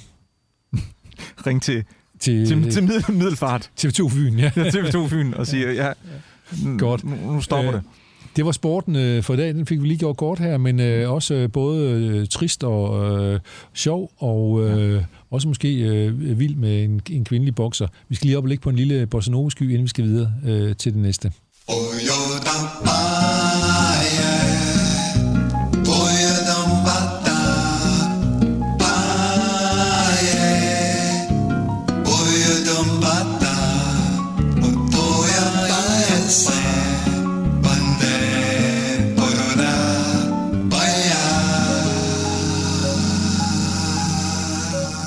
så er vi klar til at gå i gang med Anders' lille verdens, påskeverdens historie. Det er vi nemlig. Og øh, vi var igennem seks i første time, og nu skal vi igennem seks øh, historier mere øh, fra øh, påsken igennem verdenshistorien. Mm. Hvor, hvad, hvor startede du hen der? Vi, vi sluttede i 39 Ja. med Franco. Øh, Og nu kommer vi øh, til dit øh, fødselsår, Folmer. tænker du på 45? Sådan cirka øh, ungefær øh, 1957. ja, det, det navn det kan jeg genkende til. Yes, påsken 1957. Der blev jeg født. Det er der øh, Singapore opnår, øh, eller aftaler selvstændighed fra England. Ja, Ja. Og, og i bedste sådan engelske stil, så er der lige en overgang på seks år. Man lige skal igennem for at være på den sikre side, at de kan klare det selv. ja, og det er jo lidt ligesom øh, også med Hongkong og sådan noget, ikke? Jo. Men det er jo så, fordi kineserne skulle overtage. Ja. Men her, der, der har de øh, øh, en overgang på seks år, og så bliver de faktisk en del af Malaysia i 1963. Interessant. Jeg synes jeg faktisk godt, og, og Singapore er stort set ikke mere end en, en stor by, vel? nemlig, nemlig. Men så modsat, og det må vi så se, om det sker med Hongkong. Øh, to år er de en del af Malaysia, og så øh, tænker de, nah, og så melder de sig ud, og så bliver de øh, selvstændige i øh, 65. Ja. Har du været der? Jeg siger, jeg har været i lufthavnen flere gange, Ja. men jeg har ikke været udenfor. Jeg har været i, øh, i øh, Singapore. Det, øh, det har jeg. Og øh, det var, jeg var der i øh, omkring jul. Øh, men en dejlig by indtil klokken 4 om eftermiddagen. Sådan cirka hver dag, så begyndte det bare at vælte ned med regn, jeg aldrig før eller siden har oplevet. Og det var hver dag klokken 4. Og øh, det er faktisk forholdsvis øh, velhavende koloni, eller er det koloni er det jo ikke, men land, ikke? Helt enormt. Ja. Og der er styr på tingene. Øh, det er jo et sted, som, som har revolutioneret den, den offentlige, offentlige sektor. Øh, I Singapore, der virker det bare. Og, og, og hvad er det, de kan der? De, de, de siger, det er de bedste, der skal bestemme, eller hvad er det, de gør? De siger, dem, der ved noget om det, bestemt er dem, der bestemmer. Ja, de har sådan lidt øh, særpræget form for, øh, for demokrati. Øh, demokrati for, for dem er jo også, at man gør det for folket. Så, øh, så man, man har øh, politikere og, og embedsmænd, som er de dygtigste, og øh, man har sådan nogle klare regler og rammer for, øh, hvad der skal til med deres politik, for at folket har det bedst. Så det er ikke folket, der bestemmer, hvem det er, men dem, der er ved magten, de, de gør det for folkets skyld. Ja, det er sådan en, en, en, en forunderlig øh, blanding. Ja. Men øh, i Singapore, der virker det altså, og hvis man vil se, øh, jeg tror også danske øh, politikere, hvis man vil se, se sundhedssystemer, der virker og, og sådan noget, så øh, tager de på øh, udflugt til øh, Singapore. Yes. Jeg ved, min øh, datter på var, mødte en, øh, en, en pige fra Singapore, som boede over, hvis far var en mand, som kører ret meget for, som var kirurg. Han ejede vist et hospital i Singapore, tror jeg, men en, Okay. rus, en russer, ja. Ja. Så gang i den. Det må man sige. Ja, så det kunne være fristende at kigge på den gang. Ja. Anders, øh, jeg vidste, der var noget med, med Singapore og mig, øh, og det var altså over 57, Mm. der binder, der binder mig sammen med Singapore. Mm, mm. Øh, hvad er din næste påskenyhed? Så skal vi til øh, 1968 Ja, til kan- USA. Det kan være mange ting jo. Ja, det kan det. Vi skal faktisk til, til USA. Øh, I første time talte vi om, at øh, øh, Kennedy blev skudt I 63. I, 63. I 64 kom Civil Rights Act, som giver rettigheder til øh, sorte. Skolebørn blandt andet. Skolebørn blandt andet, og sorte, man måtte ikke øh, diskriminere. Så er det jo ret vildt at tænke på, at man skulle til 68 før... Dengang kaldte man det faktisk stadigvæk indianere i dag der kalder man den vel Native Americans, Ja. de fik deres rettigheder. Og det er ikke engang løgn. Man skulle lige fire år længere hen, før de kunne få øh, deres egen Altså, man skulle, helt op, man skulle helt op til 68, før man er anerkendt, at... Ja, før man anerkendte uh, Civil Rights Act for, for uh, Indians. Ja. Og uh, det var også der, man indførte ingen diskrimination i salg, leje og finansiering af ejendom. Så indtil da, der måtte man faktisk godt uh, Diskriminere. diskriminere og sige, at man ikke ville... people, ja. ja, ja, og også faktisk helt op til der, man ikke ville sælge til sorte. Men det var, det var indianernes uh, Civil Rights Act, kom, som kom i 68, og det var igen Lyndon B. Johnson, som overtog efter Kennedy. Ja. Han havde en meget stor uheld med Vietnamkrigen, men han havde åbenbart helt held øh, med nogle andre ting på hjemmebane, så... Ja, det, øh, det, formåede han, og noget af det, han, han formåede som, som Kennedy, som sådan klassisk øh, nordstats Boston øh, øh, katolik, han måske ikke øh, formåede, det var... At, Johnson er jo texaner, ikke også? Nemlig. Og Johnson, han kunne simpelthen samle. Så han kunne samle demokrater og republikanere, og dermed komme igennem med en lovgivning, som mange andre, hverken før eller siden, er lykkes med at komme igennem med, fordi han simpelthen øh, øh, havde begge siders øh, respekt. Jeg kan huske en anden ting fra 1968. Hvis jeg nu siger 8 meter og hvad siger vi, 92, hvad tænker du så? Det er Bob Beamon. Det er simpelthen Bob Beamon, ja. Ja. Han, øh, han øh, hopper verdens længste længdespring i Mexico ved OL ja. i Mexico. Ja. Det var vildt. Og det, det Og tog den, jo... Den er øh, nærmest ikke hvad? den først slået inden for de sidste to år, sådan Ja. noget, tror jeg. Ja. Øh, han, han troede ikke selv på det. Han har aldrig været så langt ud igen. Nærheden af det siden. Men det er helt fantastisk at se det spring der. Og så er der også to andre, Tommy Smith og John Carlos. Dem må du også kunne huske måske, eller har læst om i hvert fald. Var det, var det næven? Det var øh, 200 meter løberne, som fik yes. Yes. guld og bronze, Yes. øh, som rejste øh, der, deres øh, næver med en sort handske på. Ja. To sorte løber. Ja. Øh, og så var det en tjekke, som fik sølv, som var ind midt imellem. sådan, han, blev sådan helt, han blev presset sådan lidt. Men der lavede, skulle vi lave en fantastisk film om ham, tjekken, som blev gode venner med de to løber der og sådan noget der. Okay. Men de fik jo meget dyller i starten, de, øh, fordi de protesterede på, på bænken. Ja. Og det og sådan set også... Øh, det, det trækker også nogle, nogle tråde op til i dag, ikke? Hvor, man, hvor man siger, skal man protestere mod nogle ting?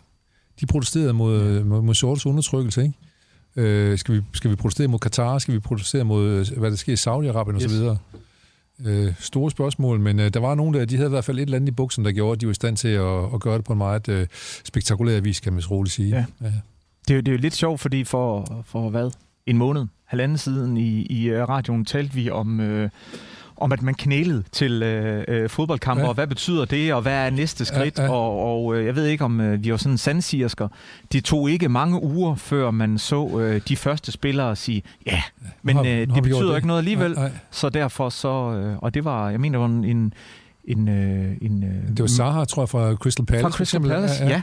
ja, som sagde, ja, det her, det, det betyder ikke noget, og vi så, jeg mener, var det hele Glasgow Rangers efter en episode mod, mod Slavia Prag, hvor de øh, mente sig udsat for, for racisme, at de simpelthen øh, ikke knælede hele holdet. Ja, og så var de også, øh, de, de kræver faktisk, at spilleren, der var, at, at spilleren, der var øh, opført sig racistisk over for en af Glasgow spillere, han skal have et års karantæne. Nu får vi se, hvordan det kommer til at gå, men der er i hvert fald, der er jo nævekamp i øh, spillertunnelen på vej ind. Ja, ja. Så der er godt nok øh, politik og sport, det, øh, Det hænger sammen. det hænger sammen. Ja, det gør det. Øh, øh, Lars har gået og puslet inde i øh, køkkenet med æg derinde. Jeg kan synes, jeg, det lugter godt, synes jeg. Jeg glæder mig til det øh, skidende æg. Jeg vil sige, det lugter ikke i nærheden af det, det hedder. Det glæder vi os til. Ja, men, øh, men øh, hvad er de næste nyheder? Jamen, der skal vi til øh, 1970, og det er sådan lidt, øh, vi snyder lidt, fordi vi taler fredag før Palmesøndag. Ja, okay. Så, men, men, men vi er nødt til at have den med, fordi det var der, hvor Paul McCartney, han slog op. Ja, og, Han sagde simpelthen, jeg slår op. ja, det var med Beatles. Det var det. Ja. Øh, Folmer, der må du øh, 13 år, det må du... Øh, Jamen, du kunne med dem, tror jeg, jeg kan huske, og jeg kan fortælle dig så meget som, at vi var en 12-13 år, der stod nede sammen med Niels Kirkegaard, som jeg gik i klasse med, og så sagde vi, fuck, vi var forbitret over det der, eller vrede over det der. Så sagde vi, okay, hvis de holder op med det, så må vi selv begynde at skrive vores sange. Okay. Og så begyndte vi at lave vores egen sang, som jo så blev så hjem til Aarhus og øh, til kæresten i hånden, og hvad de nu hedder, de her sange Ja. der. Så øh, de har inspireret os der på en eller anden måde, kan man vist godt sige. Og jeg er helt sikker på, at Anders, du spiller også meget. De har også, Beatles også inspireret dig. Nej, jeg er, jo, jeg er en af de meget få musikere, der ikke har et øh, hverken sentimentalt eller romantisk forhold til Beatles. Jeg voksede op i et hjem uden Beatles-plade. Så det var først, da jeg blev teenager, jeg selv gik på opdagelse i det, og jeg stadigvæk ikke øh, kender kun øh, ligesom fire Beatles-plader. Jeg har et nummer, der hedder Silov Show, der kunne vi begynde, kender du det? men, men der var meget, der var nærmest strid om, omkring, om det var John Lennon. Ja. Eller, fordi, men John Lennon har jo sagt, jeg gider ikke mere. Det havde han sagt inden på, på Nemlig også. Ja. ja. Øh, og, øh, og, og igen, så var det måske også en, en lidt en kamp om øh, penge, det her, og om magt. Fordi øh, de tre andre Beatles ville have hentet Alan Klein til at være deres nye manager, efter Brian Epstein var død. Deres første manager. Øh, og Paul McCartney insisterede på, at det var Mr. Eastman, som skulle være deres øh, manager. Og øh, det var hans svigerfar og øh, direktør for Kodak-fabrikkerne. Begge to nogle lømler, tror jeg. Så, øh, men der, man er trængt til at komme styr på det, fordi de har brugt en hel helvedes masse penge på at lave det der Apple-firma, Ja. hvor pengene bare sivet ud. Alle kom bare komme ind og, og, og sige, jeg har en god idé, okay, her er nogle penge. Altså, altså de mistede millioner og millioner hver eneste dag, der var fosset ud af kassen. Ja. Så der skulle styr på det på en eller anden måde. Var det så sådan, at man holdt med enten McCartney eller John Lennon? Eller ja. hvordan... Øh... Ja, men, men, men mange blev sure på Yoko Ono, fordi de mente, det var hende, der kilte sig ind. Det er selvfølgelig rigtigt. Ja. Øh, men der var, øh, selvfølgelig var der en, en, en kamp der, øh, og det, de var jo også væsentligt forskellige, kan man sige, Lennon og McCartney. Mm. Og det havde været deres styrke, men det blev så også deres, øh, måske også deres endelige på en eller anden måde. Hvem var du til? Øh, Lennon helt sikkert. Ja. Men jeg, jeg begyndte at synes, at McCartney han faktisk er, han er uomgængelig også på mange måder. Men det er også fordi, at, at øh, John Lennon er jo død. Ja, men øh, det, det øh, har ikke noget med det at gøre. jeg kunne lide ham, før han var død. Faktisk den aller, aller første plade, jeg købte for min egen penge, det var den, der hed Plastic Ono Band, hvor han øh, ligger sådan under et træ og spiller øh, de der sange øh, I Don't Believe in Beatles Anymore og sådan noget, ja. Som også er fra omkring 1970, ikke? Ja. 71 måske. Øh, fantastisk plade, øvrigt. Men, men i, i, du taler kun om altså de der to øh, forsanger. Der var også Ringo, som måske er verdens bedste trommeslager, når det kommer til stykket. Altså for mig der er spørgsmålet i virkeligheden mere, om den fedeste Beatle er George Harrison eller Ringo. Ja, men øh, det kan du så, det kan du så tykke på selv. Men George var også god. Men George han var sådan lidt fornærmet over, at han ikke kom til. Han kunne, ikke komme, han kunne ligesom ikke trænge ind. Man må også sige, at altså, de fem plader, jeg kender med Beatles, der er den sang, som George Harrison har skrevet, altså står virkelig ud. Something. Ja, Something, Why My Guitar Gently Weeps. Altså, der er jo en George Harrison sang på, i hvert fald på de fem plader, jeg har. Ja, men øh, der er en eller to på dem og sådan noget. Jeg har også lavet noget... Jeg vil sige, at den han har lavet på Sgt. Pepper er måske en af de dårligere. Hvad er nu det er for en? Jamen, det er den der sitar-ting der. Norwegian Wood? Nej, nej, nej, nej, nej, på Sgt. Pepper. Nå, Ja. Norwegian Wood, det er for Robert Soul-pladerne. det er, det er rigtigt, ja. Jeg tror, den hedder Within You and Without You. Eller Ja. noget, ja. Jeg kan bedre lide Robert Soul end Sgt. Pepper. ja. Jeg kan bedre lide, øh, jeg kan godt lide The Hvide, The Hvide Beatles-album. Okay. Jeg kan godt lide Revolver også. Det er også godt. Ja. Men det er også, fordi jeg har ikke så mange af dem. Nu ser vi og, og, og fortaber os i et eller andet her. Det er rigtigt. Men jeg kan lige sige, at McCartney han stak af, og han købte et, øh, et meget, meget lille, øh, primitivt øh, landsted op i, i Skotland, ude i højlandet. Øh, og øh, der var en journalist, der forsøgte at få fat i ham. Og de tog til Skotland, fordi de hørte rygter om, han var deroppe med sin kone Linda, og øh, sin søn James, og hendes øh, øh, datter, som formodentlig er Stella, ikke? Jo, det må det være. Ja. Det må det være. Øhm, og journalisterne fandt hende, og Paul McCartney blev rasende over, at, at de fandt ham så langt ude i ødemarken, for han ville bare have fred, så han smed en øh, spand vand i hovedet på dem. Men Paul McCartney er jo kendt som den flinke bil, som er lidt bange for konflikter. Så han rendte, kørte tusind biler, kørte efter journalisterne og sagde, Undskyld. okay, undskyld, ved I hvad, I får lov til at tage en hel masse billeder af mig og min familie heroppe, hvis ja. bare vil smide de andre billeder ud, hvis smide vand Men i var der ikke noget med, at det var deroppe, de øh, gik og øvede med, med deres nye band, øh, Wings? Ja. Jo, det er det garanteret også været. som, som jo ikke fik nogen hyre, men skulle sove ude i stallen. Garanteret. Ja. Til gengæld så fik de lov til at være med på et nummer, der er så forrygende godt, som det, der hedder Mule of Kentire.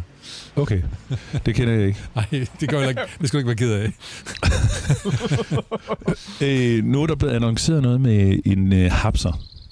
En lille påskehapser.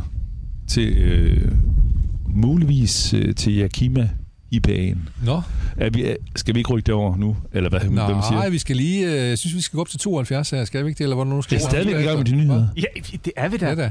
Vi er ikke kommet til 82 endnu. Nej, og vi er ikke kommet til 2021. Nej, men der, Nej, vi kommer der, ikke. der er Det der sgu ikke sket noget alligevel. Nej. okay. Hvad så? Hvad, har, hvad er de næste? Vi har været igennem 3-4 stykker. nu er det 1982. seks. 82. Anders, der er du, øh, du er født i 82. Ja, det er jeg i den du ved, hvad der skete i påsken 82. Kom så, Anders. Falklandsøen. Det er fandme Falklandskrigen. Ja, Ja, men altså... Øerne, de har været der hele tiden. Nej, de, skete, de kom op af havet Ja. i 1982. Jeg husker det tydeligt. Vi sad der til påskefrokost og fået et par snapser. Og øh, så kom Falklandsøerne op af havet. Ja. Og så begyndte Argentina og Storbritannien at slås om dem. Det gjorde nemlig, fordi det ligger, Falklandsøerne ligger, Falklandsøerne ligger forholdsvis tæt på Argentina, Ja. men englænderne vil gerne have deres strategiske grunde. Ja. Ja. Og så begyndte øh, Argentina, de begyndte jo faktisk selv at, at, at, at, at ligesom sende soldater ud på Falklandsøerne, og i 82, eller nok ved 81, 82, og, og påstå, at nu er det altså vores det her, mm. nu, nu lukker vi. Det kunne Margaret Thatcher ikke have. Hun var jo, dengang, hun var jo øh, engelsk statsminister dengang. Yes. Øh, så hun sendte sgu flåden, og øh, jeg synes, jeg kan huske noget om, Lars, kan du, kender du noget til øh, Falklandskrigen egentlig? Nej, det gør jeg ikke så meget, men kan jeg ikke huske, men jeg har faktisk set den ubåd, der var med i Falklandskrigen. Øh, for da jeg selv øh, var soldat og sejlede ubåd, der, øh, der kom vi meget op ved Edinburgh, hvor England havde deres største øh, NATO, deres største ubådsbase. Og der øh, var der en, en øh, chauffør, der kørte os rundt på den her kæmpe base, som viste os den ubåd, der lå i en dok og fortalte os historien om, at den havde været med i øh, Falklandskrigen. Og, og den var sejlet ud derfra, dykket øh, ned lige... Øh, lige uden for, for havnen øh, øh, i Nordlanden, og 90 dage efter kom den hjem og dykkede ud samme sted, altså dykket ud Så den og den ikke været overfladen. siden? Nej, så den havde været under øh, havoverfladen i 90 dage. Og ikke bare ubåd, men også, også besætningen. også besætningen, ja, ja, gud hvad lovet, at de været med øh, Ja. hele vejen. Og det er da lidt særligt, 90 dage øh, Det må man sige. under vandet. Ja. Var du nede og se den, eller hvad? Eller? Nej, jeg var ikke noget at se den. Jeg så den kun, øh, jeg så Ja, ja, ja, den kun ja. øh, udefra. Jeg tror ikke, man må komme ind. Og det var jo altså allerede dengang en stor moderne øh, atomubåd. Ja, vi, er, du, er du så meget et eventyr, du har tænkt, hvis du fik jobbet om lige at lave mad, og så tage 90 dage til Falklandsøen, og så sagt ja? Nej, Nej, det havde jeg ikke. Jeg havde sgu heller ikke. Jeg havde, jeg havde takket pænt nej tak, ja. Øh, men vi må, vi må sige om den der øh, øh, krig der, øh, at øh, jeg tror, der var 200 argentiner, der døde, Mm. og så måske omkring 20, 15-20 englænder. Ja, det var ikke... Øh... Nej, Men, men, men noget helt vildt interessant er, at krigen den slutter i juni, så det er jo ikke en lang krig. nej. Men den argentinske militærjunta bliver så upopulær på det her, at de går af to dage efter krigen slutter, og der kommer demokratisk valg i, øh, Ja. i Argentina. Så, så noget godt gjorde den Falklandskrig, sådan set, kan man sige. Ja. Øh, og så gjorde den sikkert også, at øh, Thatcher hun blev øh, genvalgt, og så må man jo selv vurdere, om han synes, det var Det til den positive side. Og øh, øh, ma- mange husker måske også sangen Shipbuilding, som Elvis Costello skrev, øh, som øh, handler om, at pludselig, det er jo også en anden side af det med Margaret Thatcher, at øh, der var meget stor arbejdsløshed i England, men ja. Ja. der kom gang i skibsbyggeriet igen altså på, på, på værfterne, fordi at man skulle gøre skib klar til krig. Så, Nemlig. så man fik, øh, de små byer, der fik man altså arbejde igen. Ja. Og det handler den der sang, der hedder Shipbuilding, den handler om, at nu har vi fået arbejde igen, nu bliver der råd til en trehjulscykel til familien, familiens nye barn og et eller andet. Ja. Øh, men de skulle altså skri- bygge skib, som skulle slå andre folk ihjel, ikke? Ja, jo. De mistede blandt andet, øh, jeg tror det er meget, øh, England, de mistede faktisk nogle, nogle ret store både, nogle destroyer, for eksempel, der var en, der hed Sheffield, tror jeg, Mm. Som øh, det lykkedes øh, argentinerne at, at skyde stykker. Men det må jo være en af de... Øh, ej, det er det jo ikke, men, men heldigvis har vi ikke haft mange krige øh, med europæiske lande indblandet i, men den her, der har været en af dem. Hvor, hvor lang tid stod den på? Øh, en, en, 3-4 måneder, ikke? Jo. Altså fra, fra påske frem til juni måned, eller sådan noget. Ja. Nemlig. Port Stanley hed hovedstaden, vist nok i, øh, i, øh, i, på Falklandsøerne, ikke? Og hvem har skrevet en sang, der har, hvor navn Port Stanley indgår i? Jeg gætter på en engelsk sangskriver. Nej. En dansk sangskriver. En dansk sangskriver, der skrev om Port Stanley. Jeg er, ret, jeg er ret sikker på, at C.V. Jørgensen har lavet en sang, der hedder Postkort fra Port Stanley. Eller sådan Er det noget. rigtigt? Ja. På den der, øh, hvad hedder den plade, øh, Lidt i gang og go go. Ja. Så den kan man gå ind og høre, og det var måske nok en af hans sidste, hvad skal man sige, protestsange, eller hvad skal man sige, en af de sange, hvor han forholdt sig til, hvad der skete i, øh, i den store historie. ja, så blev det mere personligt, kan man var sige. det mere, ja. Ja. Anders, har du flere påskehistorier? Jeg har to Yes. tilbage, før, fordi Anders han løftede sløret for lige før. Det, det dufter mad. Vi skal have noget at spise på et tidspunkt. Vi skal lige have to hurtige. Det er marts Ah, det er jo så, ja, det er jo så sådan i marts. Påsken flytter sig jo. Nogle gange er det april, nogle Ja. gange det marts. Reagan, 1983, han foreslår Strategic Defense Initiative. Og det bliver faktisk ikke rigtigt til noget, men det er det, vi kender som The Star Wars Program. Ja. ja, det er noget med, at han vil sende noget op, i, øh, som, Ja. som kan skyde andre folks raketter ned, når de er på vej over og USA. det er laser, og det er satellitter. Hvad var året, sagde du? 83. Jeg kan huske, de lavede noget flot grafik, Okay. som blev vist i uh, TV-avisen. Det kan jeg huske. Ja. Men, men uh, Trump har jo snakket om det igen nu her, da han kom til. Ja, men det skulle vi have gang i det. Ja. ja. Men det er jo klart, det, ser, det er jo flashy og stort og alt muligt andet og sådan noget. Så Og der kom den her film, jeg kan huske fra min øh, barndom, som hed, hed den War Games, eller hvad hed den? Den hed sådan et eller andet, hvor en, hvor øh, en dreng, han, øh, han går ind og omprogrammerer og sidder og laver sit eget program, og så hacker han sig ind i det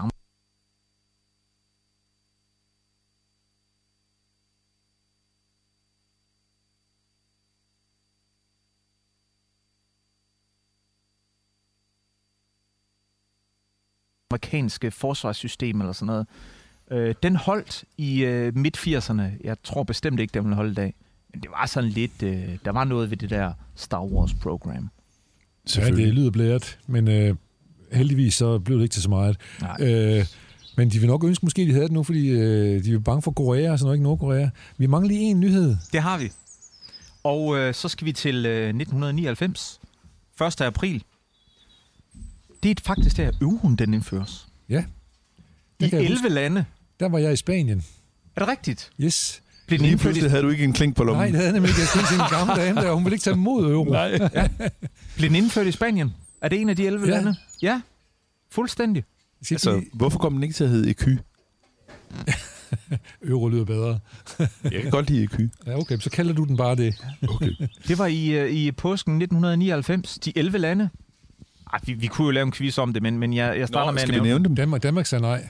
Danmark sagde nej i 2000 nemlig. Ja. ja. 53-47. 53 procent nej. Ja. Men det var Østrig, det var Belgien, det var Finland, Frankrig, Tyskland, Irland, Italien, Luxembourg, Holland, Portugal, Spanien. Jeg har skrevet det ned, det er derfor, jeg kan sige det så hurtigt. Yes. Så er det rigtigt nok, jeg var i Spanien. Jeg, var nemlig, jeg kan faktisk huske, at jeg var inde for at købe en kop kaffe langt ude på landet, og, den, og konen var gået i seng, og jeg fik så lov til, at- eller hun var så siesta, og så kom hun, og så ville jeg betale med en euro, det kunne, eller, eller, eller et credit card, det kunne ikke lade sig gøre. Nej. og jeg havde ikke nogen spanske pesetas, det var det eneste, hun kunne tage imod. Hvad tænker I? Er I øh, euro i dag? Danske kroner, det er jo ikke rigtig en diskussion, øh, vi har. Hvad, øh, hvad hælder I til? Eller er det hele lige meget? Altså, det, det, det må være nostalgisk, man har kronen på en eller anden måde.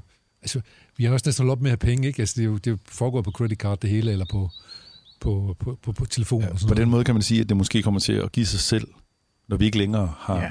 bruger kontanter. Ja, Ja, så er det ligegyldigt, om det er dollars eller euro, eller hvad det er, de bliver trukket Ja. øh, i. så der er en eller anden form for nostalgi i det, ja. Øhm, Anders, du øh, stiller et eller andet udsigt om, du selv lugter mad over der, hvor du sidder. Det kan vi jo ikke lugte helt herovre. Vi sidder, vi holder jo meget, meget Nej. god afstand, fordi det er påske. Ja, jamen, jeg har jo placeret Fordi det er mig påske, her og kan se øh, køkkenet herinde, og jeg kan se øh, øh, Lars Kylsbæk, han er i gang med at øh, anrette til os, og øh, man kan godt se, altså det kan godt være, at han har været i kokkelærer, men øh, hold da op, han kan have nogle tallerkener på, øh, på armen her. Jeg har været i kokkelærer, men jeg kan også bære tre tallerkener. det må man nok Det må sige. man nok sige. Du bærer dem flot, som man siger. Ej, ja. Det er simpelthen skidende æg. Hold nu, Bøtte. Det er Ej, ganske det enkelt skidende æg. Jeg tror faktisk, det er lidt en overset ret. Ja. Altså, den Men jeg er nødt til, nu, nu er vi nødt til at i få, hvert fald. Ja. at få løftet sløret for, hvorfor hedder det skidende æg? Det ved jeg ikke rigtigt. Det ved Anders Stalstrup noget om. Gør han ikke det? Det er fordi, at man spiser det på skiden lørdag. Ja. Og men hvorfor hedder det skiden lørdag? Det gør det, fordi øh, skiden lørdag er i morgen.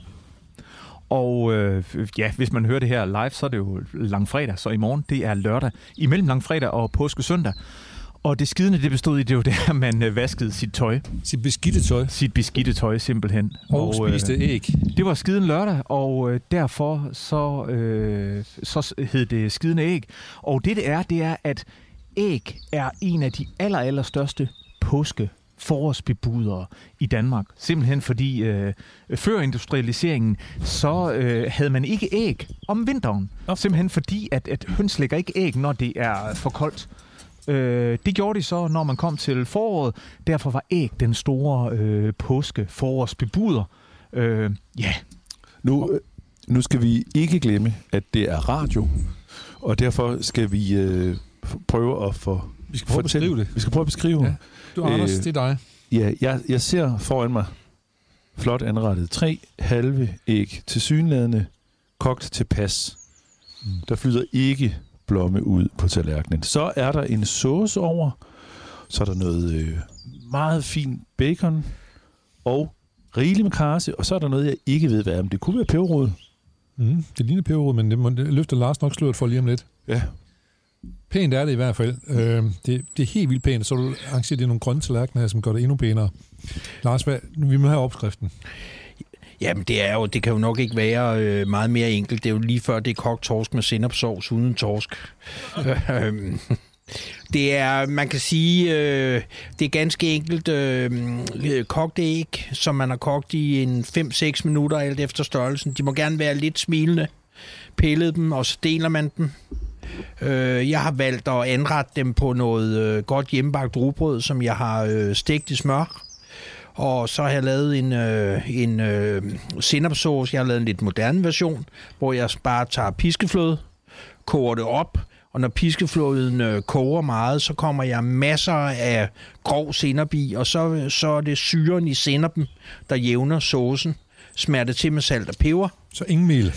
Der er ingen mel i den her øh, version, men man kan jo sagtens lave en opbagt sovs, også en klassisk øh, sennepsovs, hvor man laver en, en melbolle og, og laver sovsen af mælk. Lækker Men hvordan... Øh, så skal jeg lige...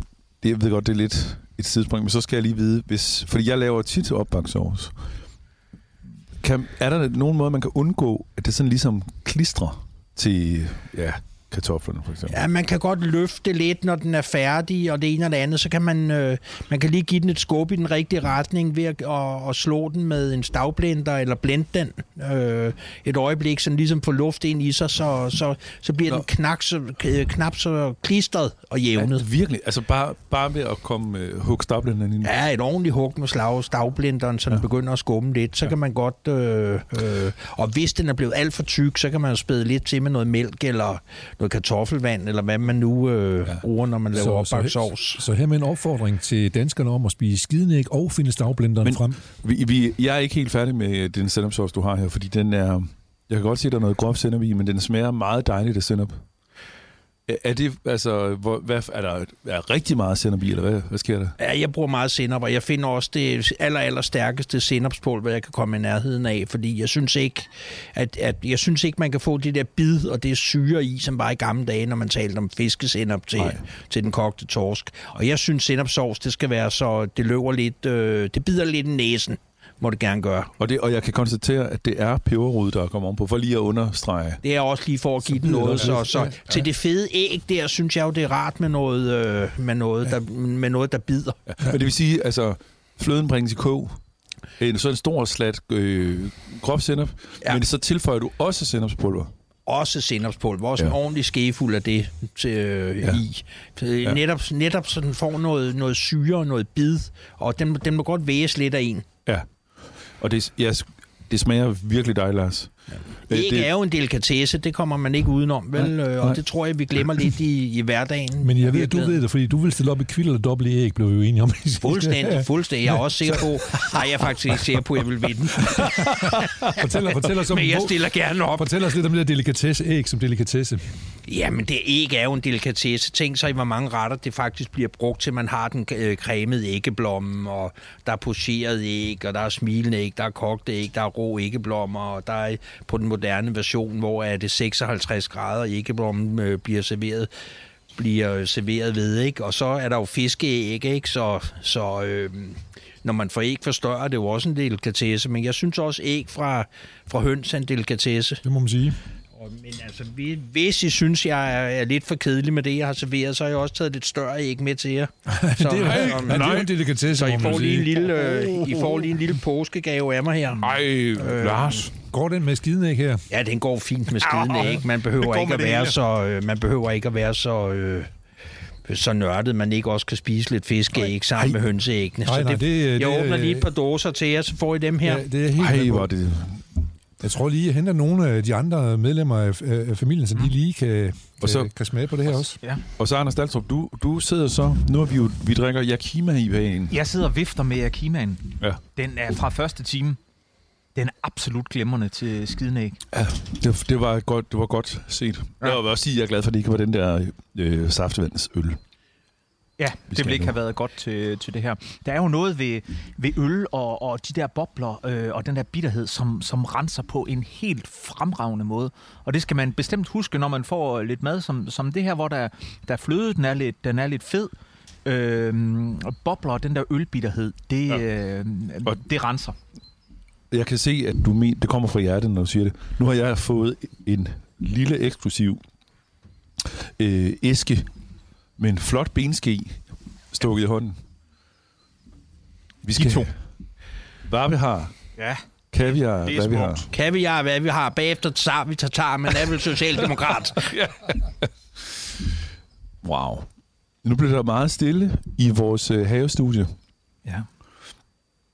Øhm, Folmer, Jeg har overladet lidt til min familie. Jeg synes også, du skulle overlade noget af dit. jamen, øh, vi laver radio. Altså, det, de kære lyttere er jo ikke til stede i haven. Vi er jo nødt til at fortælle dem, hvad vi laver. Og hvis jeg skal smage på det her, så er du nødt til at tale imens. Jamen, skal jeg nok. Øh, vi spiser...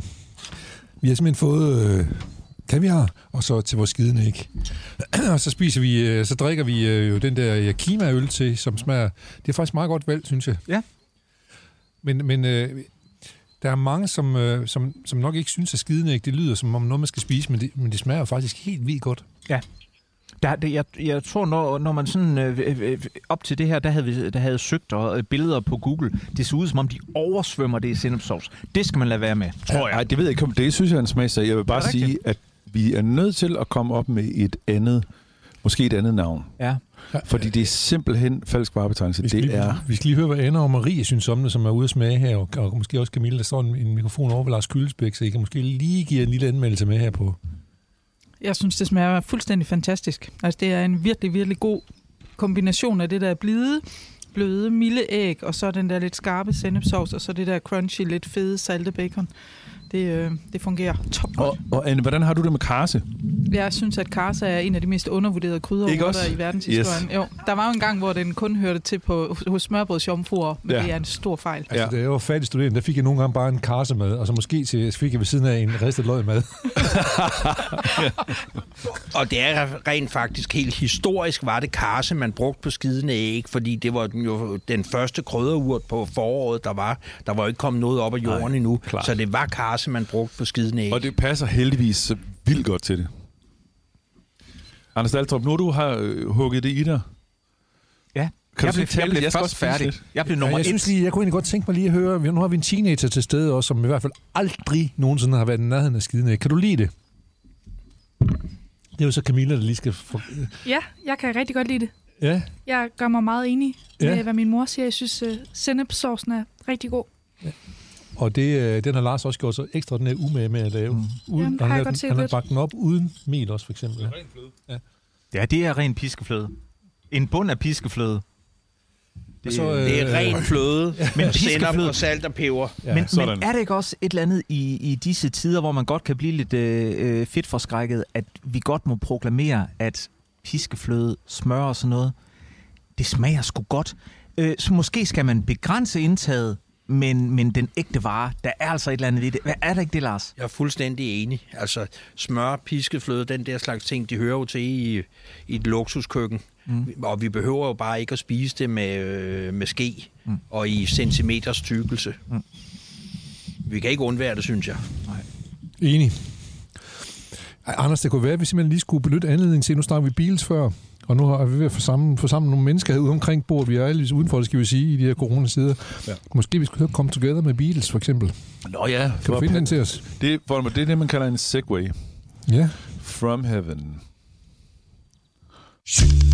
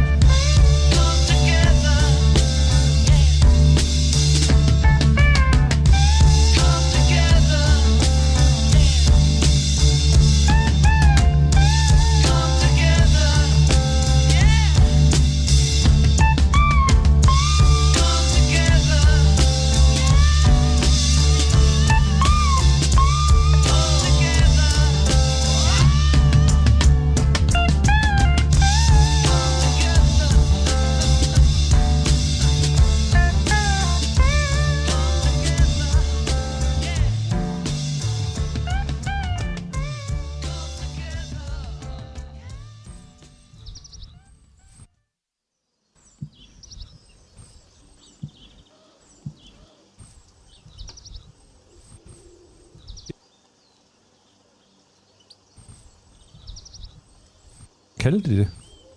Ikke, Ja. Anders? Jo. Absolut. Der er det, det, her, det må være, det må være øh, påskeæg, forårsæg, øh, alle de der positive ting, øh, vi har. Påskesolen, påskesol, solæg, ja, jeg ved Ja, det solæg, det er jo sådan en Ja, anden den er ting. taget. Ja. Den er taget. Ja. Er der ikke en uh, Paul Dissing-sang, hvor han siger, men når forårssolen skinner, så lever jeg. Og så kan jo forårsæg er faktisk udmærket også, og når vi får forårsæg her, så lever vi nærmest, ikke? Jo. For, for, påskeæg? Nej, ja, påskeæg kan man heller ikke kalde det. Forårsæg kunne man måske kalde det. Ja. Jeg tænker lidt på, at Anders, øh, ja, påske er noget andet, kan man sige. Øh, det har vi også fået. Det skal vi have lige om lidt. Øh, nu, nu, øh, det her, nu, det her ugen ud hedder vores program, og nu øh, så går vi jo snart ud. Nu går programmet ud. Mm. Det kan vi kun være ked af. Ja. Øhm, det har været ret muntert at lave, vil jeg så sige. Og så forhåbentlig også været, ikke været ubegavet hele tiden. Men, men øh, hvis vi sådan skal gøre status, kan vi så ikke sige, at hvis vi er dem, som genindfører skiden æg på den danske menu igen og gør det bare lidt populært. Er det så ikke, er det ikke så ikke en, Du konklusion, lytter til ugen ud. der? Ej, det vil sige, hvis, Radio hvis 4, man kan, det er blevet langfredag. Gå, gå fra æderen. Og det har været selvfølgelig den, den, øh, ligesom Vi har fået at skidenæg, og er blevet enige om, at det er Det var, det, var- det var da, jeg hørte misforstået. skiden æg for første gang. Vi... Er der nogen, der ved, hvor gammel øh, skidenægs-traditionen er?